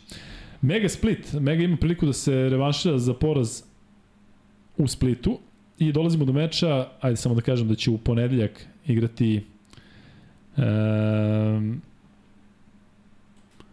FMP protiv Cibone na strani. Dakle, FMP je ekipa koja koja dosta je oscilirala u poslednje vreme, ali eto, taj poslednji trijum bi mogao da, da bude početak jedne dobre serije. U svakom slučaju, e, Kuzma Monar dočekuje zvezdu. E, taj duel za zvezdu, ajde da kažem da nemoguće pored Ivanovića, pored bilo kog trenera, posebno Ivanovića, da neko bude u drugom planu, ali Zvezda i dalje ima računicu e, u Euroligi a ta računica da moraš da dobiješ sve do kraja. meč protiv Monara, da li jeste možda prilika da se malo napravi neko tumbanje u timu, ne. da se aktiviraju Holand Raduljica, konačno ne. da nečem sluša? Ne, ne mislim da će biti tako. Mislim da će biti, ajde sad uradimo ovo isto što smo uradili na utakmici protiv ovaj, Baskoni. Ajde odigrajte tu odbranu, hoću da pobedimo, hoću da sve funkcioniše.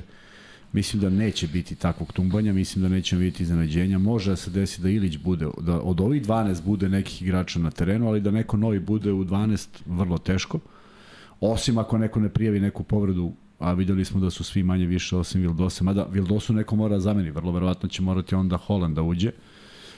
I, i, i probati da se u što uh, uh, bolje maniru, uz jedan dobar rezultat, ne samo pobedu, nego jedan dobar rezultat da se vrati ta neka uh, sigurnost da bi se odigrala bolja utakmica protiv Valencije, jer je i ta utakmica bitna sama po sebi, ne sad opet o razmišljanju za plasman, nego zašto ne pobediti Valenciju na domaćem terenu ako je savladana Baskonija. To je vrlo jednostavno i za tako nešto je potrebno da se isprave neke greške kojih je bilo, da se namesti šut, da se neke akcije ponovo uigraju ako je to potrebno, ali da bude vrlo ozbiljan meč sa željom da se Mornar pobedi što ubedljivije. E, Luka Bradović izjavio da će Lasor imati ultra jak trening sutra jer ne igra u nedelju, pa da, ali moguće da je bilo i malo šale u tome posle 32 minuta da se sad forsira sutra da odi ultra jak trening. E, u svakom slučaju kažu da Luka Božić je imao je falilo dva skoka i asistencija da ima triple-double, to je očekivano od Božića, on ove sezone ima zaista malo, malo pa te fenomenalne statističke podatke. Ivane, nismo pratili, ja i Kuzma, a, kaže da bio na utakmici i kaže prekid je prekid je gospodin Obrknežević pravio show, pogledat ćemo čemu se radi, ja sam prenosio Virtus, e, pa sam pratio naravno i Partizan i Euroligu, Kuzma je sve vreme bio je akcent na Euroligi, tako da vidjet ćemo čemu se radi, odnosno šta se dešavalo na tom meču, pa će biti možda prilike e, pa će biti prilike možda da komentarišemo to dalje.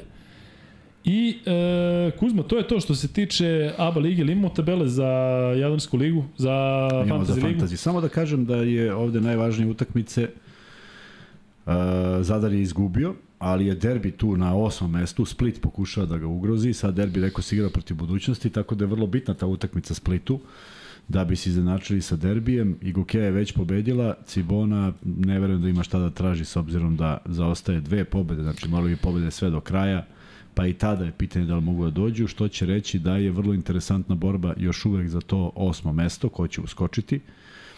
A što se tiče ovog prva četiri mesta, velika je razlika između budućnosti i CDVita, s obzirom da imaju po utakmicu manje i dve pobede više od FNP-a, tako da uh, tu se uh, manje više zna ta, ta ko će u četiri, opet ne, da, ne zna se redosled, kao što se ne zna ni redosled drugih četiri, jer je između Mege i derbija razlika samo jedna pobeda, pa će biti vrlo interesantno ima ko, ko će na kraju ukrstiti što se parova tiče. Fantazi smo dali kod Mikse. E, daj samo da prenesem poruku našeg Marka Jeremića koji je rekao sledeće. Ajde. Pozdrav Luka, evo informacije za fantasy. Ima dosta ekipa koje su ušle nakon deadline-a koji smo postavili i zauzimaju mesta u top 10. Ja ih nisam ubacio u tabelu jer su zakasnili. Ukoliko vam se neko bude žalio da je u top 10, a da nije na tabeli ili kada budete delili nagrade, ne dobije, Razlog je zato što nije sa nama od pre, već se ubacio Eto, naknadno, o tome smo pričali ranije. Tako je. E, ali dođite na ovu utakmicu pa ćemo tamo da smislimo neke nagrade pa usput. Ovaj, ali zaista zvanično... Coka mm, cok će da pravi rošte. Tako je. E, I ako bude neki problema, neka se slobodno meni jave na Luka i Kuzma Fantasy i sve ćemo rešiti. Kada to kaže Marko, vjerojatno misli na Instagram, jel? Mislim Instagram. Da. E, Miksa, možeš da staviš ove tabele za fantasy, pa ćemo posle toga malo da pričamo o NBA ligi i da završavamo ovaj 152. podcast. Kuzma, jesi u stanju da čitaš ove yes, ABA da lige, da Euro, šta, je ostalo? Šta kaže Miksa? Šta i što hoćeš, samo ja da opalim ovde. Što se Eurolege tiče, evo ga Twente 4814 bodova, mislim da su i prošle nedelje bili na prvom mestu. Wildfield Max Bet 4737, dakle nekih manje od oko 90 poena. Razlike, e, što se ova dva tima tiče, ne nalaze se na ovo nedeljnoj u 30. kolu. RSB tim je na trećem mestu i ne on je nešto zakazao, nešto se dešava, ništa nešto updateovali, možda ne igraju više, ali već neko vreme stagniraju, nema ih među 10 najboljih u 30. kolu, KK Polet 78 na četvrtom mestu, avijatičari na petom, Ryan Key na šestom mestu i oni su se dobro držali jedno vreme. KK Part na sedmom, Peaky Blinders osmo mesto, Vozli deveti, Monte Paschi deseti. I sad neverovatno, osim Monte Paskija, niko drugi nije među 10 najboljih u ovom kolu. 23 Goat, 219 boda, da, da. Iron Wolf 201, Larkin Tata 199, pacijenti takođe, Montepaschi, Kevin Panter 7, 1 bod manje, Šušara 195 boda, Milutko 1, Klub Culture Belgrade i Drenova Ravan 189. Idemo na tabelu čega? Eurocup. Eurocup. Eurocup, Rođer Ičević na prvom mestu odmah ću kažem da je mrtvi dom, stari, dobri, poznati naziv. Četvrti. Rođer Ričević je, zahvaljujući 173 boda, na, a, a, a, ostao na prvom mestu, ali je centar uvek daje poene prvi u 17. kolu sa 201 bodom i zato se približio na samo 18 bodova razlike. Kaka Čekić treći i treći i u ovom kolu sa istim brojem bodova kao Mrtvi dom. Mrtvi dom je četvrto mestu, sve po spisu se nalazi na petom, odnosno devetom ove nedelje. Twente je šesti, KK Borac Nektar na sedmom mestu, Fantasy Plaćenik osmi, KK Lajkovac deveti i Džiglo deseto mesto. Uh, već sam spomenuo da centar uvijek daje poene na prvom, Mrtvi dom, Ček, KK Čekić, Luka Kajak je na četvrtom mestu, nisam čuo to ime ranije, Šilerova Vinjak Brigada imaju po 177, Štediša, baš kao i Rođer Riči 173, Sve po spisu spomenuti je na devetom mestu i Partizan sa 164 na desetom u 17. kolu. Ostala nam još NBA Liga. E, odavno na prvom mestu Bubanj Niš, 14 jedini preko 14.000 poena, međutim u ovom kolu na trećem, odličnom trećem mestu Pčelice 30.542 i bez plasmana u 56. kolu. Rock and Roll je treći. Kilian četvrti, Kupinov Sok na petom mestu, KK Podina na šestom, Vrelina sedma, zahvaljujući 332 boda iz 56. kola, napokon su pogodili dobitnu kombinaciju. Playboy na osmom, odnosno takođe na osmom u ovom kolu, Bugari su deveti, zahvaljujući četvrtom mestu u ovom kolu i Ozgilat je na desetom mestu. Luka i Kuzma su 14. odnosno peti u ovom kolu sa 24. Kako peti, vada 15. Ovde je greška, vjerojatno 15. s obzirom da nismo peti. Vrelina, Kobe Bryant 24, Bubanj Niš, Bugari, Luka, a Luka Kuzma, tu smo čoveč, 278. Pa kako ovde 249, nešto mi nije jasno. Nije ni važno. KK Ribnik, Kupinov Sok, Playboy, OKK Begovina i Beli Orao, to je top 10 u 56. kolu. Dakle, Bubanj Niš beži 1000 bodova pčelica, ja ne znam koliko je to nadoknadivo do kraja sezone. E, je li to to, Kuzma? Pa ja mislim da jeste. Ili imaš jedna miksa, ne? Ne. E, dobro. Ali moment kada si izgovorio stari, dobro poznat naziv, Mrtvi dom, to je jedno od boljih. Kako, kako mi je to dobro išlo? Da. E, dobro. Ja i Miksi ćemo malo o NBA ligi. Vidim da ovde pitate za Viginsa, da li znamo šta je. Znamo da ima neki porodične probleme i da su ozbiljni. Želimo mu da se što pre vrati na parkit i da se od toga oporavi šta god daje, ali ako je Ke rekao da je da je neka ozbiljna priča, očigledno jeste, ja koliko znam, on od početka februara ne igra. E, fali ekipi, reći o All-Star igraču, reći o nekome ko, ko ima kvalitet za All-Star i koji je bio toliko bitan prethodnih sezona. Tako da, eto, nadamo se da će se vratiti i da će učestvovati u, u play-offu. E, Miksa, e, Zapad gori. Da, e, čekaj sekund, Ajde. Samo mi recite da li se čujem pre nego da, što ljudi, nastavimo. Da, recite da li čujete Miksu. Miksa ti priča, vi pi, pišete da li se Miksa čuje. Pa eto da imamo o to o Vigensu, što, što si rekao, inače rotacija im je skraćena još, ovaj, jer je i Guadala završio sezon. Tako da baš imaju problema, naročito na toj poziciji. Mislim da kažeš na tim pozicijama kako god da. petorku da, da sastave od trojke do, do petice, ako je small ball, problemi. Čuje se, kaže Vuk Grbić, da se čuje Vuk Grbić koji uvek odgovara na sve prvi, kad je free da. bet ili kad je bilo šta. E, Luka, da li je moguće ovo što se dešava Polo Giorgio? Moguće, dakle, nakon onog preloma koji je imao u Las Vegasu kada je igrao onu pripremnu utakmicu za reprezentaciju i sa onim otvorenim prelomom potkolenice, e, nekako i kod njega i kod Haywarda sa tim teškim povredama, dakle, očekujete jednostavno da, da kad je zdrav da je to super, kad se nešto ovako desi da je to da je to problem, ja koliko sam video on će u nekom trenutku da se vrati, ali uh, Miksa Clippersi deluju ozbiljno, nekako deluju da se Westbrook uklopio nakon onih nekoliko poraza, meni su oni među top 3 favorita za osvajanje zapada. Kako to deluje kod tebi? Pa, ne znam da li su top 3, ali jesu pa top 4-5, ajde da ih tako stavim. Ja našta, gledali smo sad ovaj period 1 uh, Dallas bez Luke, tako da nije baš relevantno, ali Clippersi s Russellom koji je shvatio svoju ulogu i video sam i vlasnik na tribinama da se primio kad god on uradi nešto dobro, to, to je onako važno. Za njega, jer Russell je ložana i ja to poštojem kod njega. On ima taj moment, ako mu krene, onda mu ide. Ako mu ne ide, onda je paklan. Ali ovde je uhvatio neki ritam i postiže poen, igra dobro odbrani, hrani se tom nekom energijom, ima skokove, ima asistencije i nije pritisak na njemu, ima ko da rešava. I u drugoj petorci ima ko da rešava da nije Russell Westbrook. I to je u stvari na, najbolja priča i oni polako, ali sigurno idu na gore. No, što, tu su negde na sredini tabele, što je dobro, ali ovo što si rekao, što je od četvrtog do 12. mesta, par utakmica razlike, znači 3-4 utakmice. Jeste to je haos. zapad nego ikada kada govorimo o da. posljednjih da. 10 utakmica, svašta može da se desi i kada pominjemo, eto, jedan tim iz Los Angelesa, ajde pomenemo ovaj drugi, poznati, dakle Lakersi su tu negde na granici play-ina i e, Lebron je rekao da ne zna kada će se vratiti, ali E, znamo da ima igrača koji su iskoristili ovu sezonu zaista da se pokažu. Reeves je bio dobar. E... Goreo je chat za njega juče, sinoć. Znači, Šta? bilo je 100 pitanja za njega sinoć. Goreo je chat. Znači, kako igra on, da pričamo o njemu. Nisam vidio, a? Ne, pa, a, to, je, to je bilo, da, na kraju.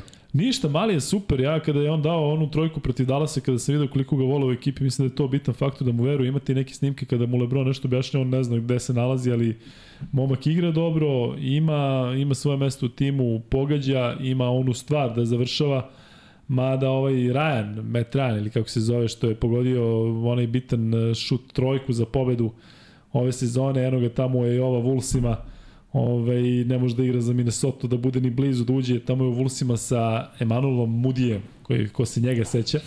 Ovaj, ali, um, Miksa, što se tiče Lakersa, kakve su tvoje prognoze za kraj regularnog dela sezone i onda naravno ako uđu u play-in? Po meni deluje da će ući u play-in, jer Davis je zdrav, to je onako redko, ali kad je on zdrav, to je dobro. Lebron ako se vrati, to je dobra priča. Konačno su ga okružili šuterima. Mislim, on je uvek bio uspešan samo kad ima šutere. Znači, penetracija, izlazni pas i, i neko mora da šutne. Ne može u ekipi da, da bude dva, tri igrača koji neće. Schroeder neće da šutne, on će prosledi. Russell ne može da pogodi. Da. I, I nije dobro napravljeno. Nije, nije onako smišljeno. Dilo kida. Znači, iskreno, on je i bio jedan od igrača koji su bili u Lakersima i koji je nastavio gde god da je išao, bio je produktivan. Tako da. da meni je on onako najbolja priča, to mi je najbolja akvizicija što su uspeli da dovedu u ovom prelaznom roku. Kako kucnje Mitchella, Bruka jeste zaista bilo ono neverovatno, ovaj, mada preko koga je prikucao? Prikucao je preko nekoga ko se tu našao, a nije trebao. E, ne mogu se setim preko koga. U svakom slučaju, e, pitaju ovde, odnosno kažu, ako niste znali, Rivs će imati pravo da nastupa za Nemačko na svetskom prvenstvu. Miksa, ti si to pominjao kada smo pričali. E, pa dobro to zvuči, ja? Igrali su dobro sad na ovom poslednjem prvenstvu i bez njega. Tako da dodaju još jednog igrača u rotaciju. Dakle, tako je. Nije igrao Mo Wagner, nije bilo još nekoliko, nije igrao e, Kleber ili ti Kliba, ove, kako ga zovu, dakle, ima tu Tajs, možda se sastavi, Nemačka može da sastavi 12 ozbiljnih igrača. Može, mislim, i njihovi timovi igraju bolje realno i u Evropi, njihova liga je solidno. Mislim da, da je napre, znaš šta, njima odgovara isto što idu na koleđ. Da. Mnogi igrači idu na koleđ. Ne, Nemačka ima u svim sportovima uh, tu bogatu istoriju da šalju igrače na koleđ. I onda oni tamo steknu neko obrazovanje i nauče nešto što možda nije za Evropu onako normalno. Ne znaš da igraš protiv njih i onda ako se posle nastave njihova karijera u Evropi bude drugačija, ali mogu Nemci da budu opasni. Da, da, evo ovde javljuju za preko Watanabe, ja kažem jeste, Watanabe nije neko ko je onako za posterizaciju, ali Mitchell kako je poletao zaista je fenomenalan. Da pređemo malo na istok i baš da krenemo od tog Clevelanda. Cleveland onako, mm, drago mi je što su potpisali ovog trenera na, na više godina, delo je da, da je to tim koji može i ove sezone mnogo, a tek narednih godina, kada vidiš koliko godina imaju i Garland, i Allen, i E, naravno Mitchell, dakle ozbiljan, ozbiljan temelj za nešto veliko. Jeste, pazi, najbolji potez jeste dovođenje Mitchella. Inače, sad kad je bilo evropsko, ja, ja sam ovaj, baš radio utakmicu i uh, Markanena sam prenosio i gledam. Bio je do tog dana u Clevelandu i taj dan ja otvaram razumeš, pošto je bilo nekog nagađanja Jest. kao trade i bukvalno taj dan na tekmu da, da, otišao u Jutu. I Mitchell dolazi ovamo i to je za njih vrhunski potez, jer sad imaju nekoga ko može da strpa 40 pojena kada, kada god poželi. Pritom su mladi, onako, atlete su, br brzi su i, le, i, i lete dosta, ali nisam siguran koliko mogu tu igru da igraju protiv ovih dominantnih defanzivnih ekipa. Da li može to protiv Milwaukee-a? Da li može to protiv Bostona? Ili, ajde još bolje pitanje, da li mogu da zaustave Hardena i Embida, mislim, koji su sada u naletu i Embiid postiže poene i taj pick and roll može da, da, da bude baš fatalan za njih. Da li imaju to odbranu protiv toga? Pazi, mnogo pričamo o zapadu, ali istok će biti vrlo interesantan u play-offu. Koliko god se nametalo to da Boston i, i Milwaukee igraju finale, što ti kažeš Philadelphia otpisati je neozbiljno, Cleveland može da poredi svakoga, Chicago ako uđe kroz play-in, može da nekome ovaj, napravi problem. Tu je naravno Miami, ima tu timova, New York igra dobro, Tako da ovaj zaista se ja play-off u NBA ligi radujem više nego nego prethodnih godina zato što će zaista biti show, a kažem i Atlante tu sa Bogijem. Uh, Jokić e, sa Denverom, znamo svi šta očekujemo. Ja se inače pis, vidio sam da ste pisali Naravno, biće Ćela uskoro, ovaj, samo da se zvanično potvrdi da je, da je overio Denver prvo mesto i to će biti ključan moment u mom životu u smislu da od tada kreću trenizi, kreće sve.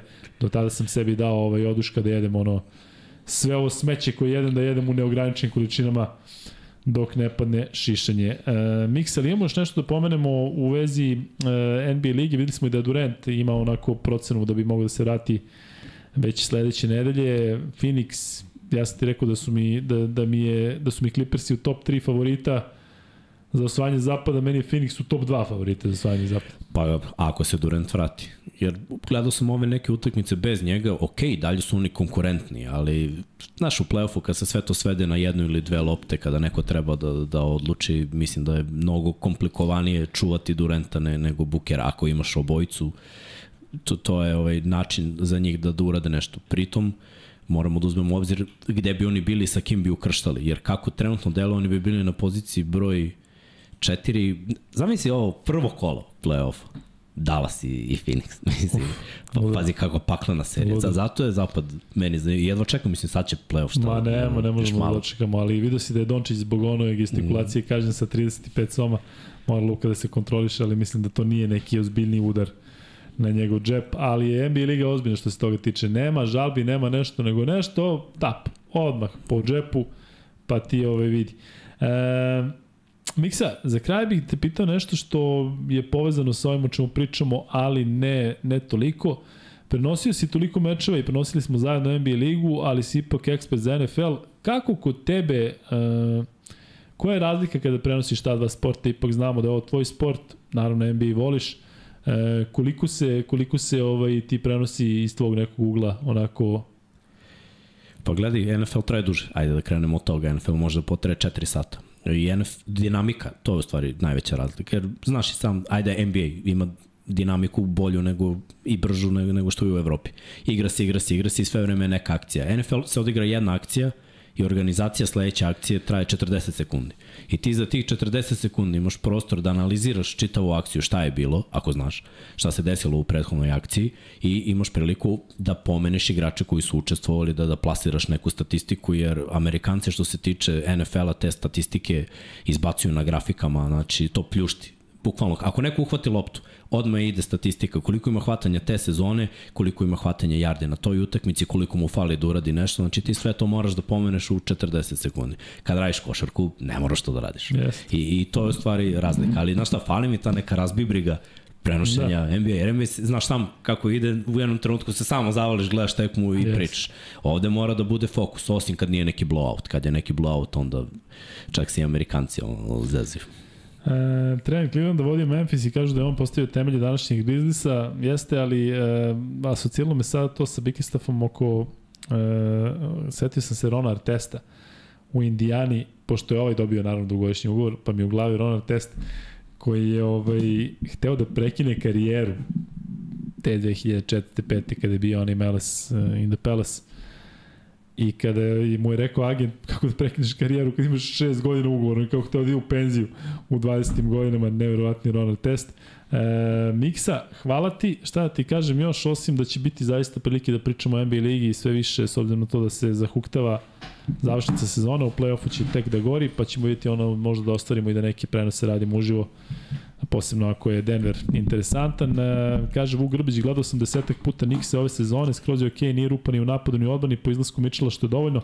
E, iskreno ti kažem, ovo između Quicklija i, i Rendla ne miriše na dobro, dakle da se onako kače i da Rendl se onako e, ponaša, on treba da li bude lider te ekipe, ali da je nastaće na ovog malog, nekako mi to ne deluje, ali za sada su ovo je jedna od onako boljih sezona Nixa od o, generacije Stark, Ewing i ostalo. Tako da, da eto, vidjet ćemo kako će oni izgledati. Sve u svemu, Miksa, hvala. Imamo još dva free beta. Kuzmo, ćeš ti da smišlješ oni neko šarkaški, da ja ispucam ovaj drugi e, free bet e, random. Ti smisli posle taj treći tamo album Tvrki Mrki. Ima iz film. Eto, man. A ja ću drugi sada. Dakle, kako se zove e, mlađi brat Viktora Vembanjame? Koji je, ima samo 15 godina i kažu da je malo niži od uh, Viktora, ali da je takođe pakleni potencijalno igrač, uh, potpisao je, mislim, dugogodišnji ugovor sa Nanterom, ako se ne varam. On mi je sad u glavi kada već pominjemo ovaj, NBA ligu i neke mlade igrače, tako da ko prvi odgovori kako se zove mlađi brat uh, Viktora Vembanjame, tri godine mlađi brat, dobit će drugi free bet, mislim da to ne može da se nađe na internetu. znači Tako, morate znati. Pa da, moram, moram to da... To je porodična priča, ako ste u Francuskoj, ja Da. E, Jeste, Vuk Grbić kaže Oskar, bravo Vuče, ti si prvi. A ima još jedan burazir, čini mislim da je to i Noa, ali mislim na ovog Oskara koji ima 15 godina, ne moguće da ima dva burazira, osim ako nisu blizanci koji imaju 15 godina, tako da e, Vuče, znaš, valjda ti kakav je, kakva je procedura lukajkuzma.gmail.com Kuzma. A ja sam sinoć došao kući i onda sam tamo dok sam se malo spremio za spavanje i sve pogledao nešto na TV-u i zakačim jedan film u kojem jednog od likova glumi, to jest karakter u filmu se zove Nick the Greek. Koji je film u pitanju? U kom filmu glumi Nick the Greek, odnosno u kom filmu mu je karakter Nick the Greek, karakter. E, tako da Dobar je film u pitanju, naravno. Kuzma gleda samo dobre filmove i sluša dobru muziku. Ne, ovo je zaista bio film koji je onako uneo malo promena u ovaj... Pa u, u kinematografiju. Jako dobra ekipa glumaca, tada mladi, a s druge strane zaplet koji je dovoljno o, britanski, tako da ovaj, nadam se da će stići i odgovor. Inače, ovaj, e. danas sam gledao Monty Python. Ovaj, raspravljaju raspravljaju... Nije ono Brian, komunistička Brian partija gde? To, to, ali to. raspravljaju o tome što ovaj Stan hoće da se zove Loreta. Ne znaš, dobro. Prepričat ćeš mi sad na putu, da, na putu. Kuzma, daj pitanje o, o, Almadova, o Almodovaru. Uh, Hoćemo, imat ćemo i to. Sad nema, ispustili smo tri sledeći put idemo na Almodovar. Dimitri Dučinović je napisao Lock, Stock and Two Smoking Barrels, dakle u originalu, verovatno Google ono, je radio, ne Google, nego uh, CTRL-C, CTRL-V, ali ovaj, ili kako ćete vidjeti, Ali dobro, e, ljudi, umorni smo i moramo da završamo. Još uvijek ne znamo kako ćemo raditi sledeće nedelje, duplo kolo Euroligi, obavestit ćemo vas blagovremeno, moramo prvo da proverimo termine i da vidimo da li ćemo ovaj, preživeti. Danas je vrlo nedelju. bitna stvar bila da su, da su kolege iz 99 Yardi radili od 7 časova. Da, Miksel, to nešto što možda se očekuje narednih nedelja ili ne? Sad ovo, ovo, je, ovo je odgovor da. sada ima Sad svi, sa... fokus, budite se svi. Da. Probali smo i ljudi mu se ne sviđa. Ne sviđa se? Ne, prerano im je, ali ćemo raditi od 8, to su, najviše glasova je bilo da počinjemo od 8. Ovo su Dobar, sad kao probni termin. tri čuke do 11, može se počne na tri da. čuke sada kada je pauza dovoljna, Pa da. To mi reci Miksa, viš kako sam ga navukao, da, bolje, tim tri bolje. čuke nisu dovoljne kao i nama. Je, ne, sad je predrafta, no. Kad o, bude bio draft, to je pakao, ali e, sad pa, pošto je predrafta. To je, to je ono što smo sinoć saznali, pa smo zato i promenili odluku, zato što ovo jesu bitne utakmice i nije, nije vredilo gledati da li će Partizan da pobedi ili ne, već je relativno normalan termin i evo 2 sata i 15 minuta smo sa vama.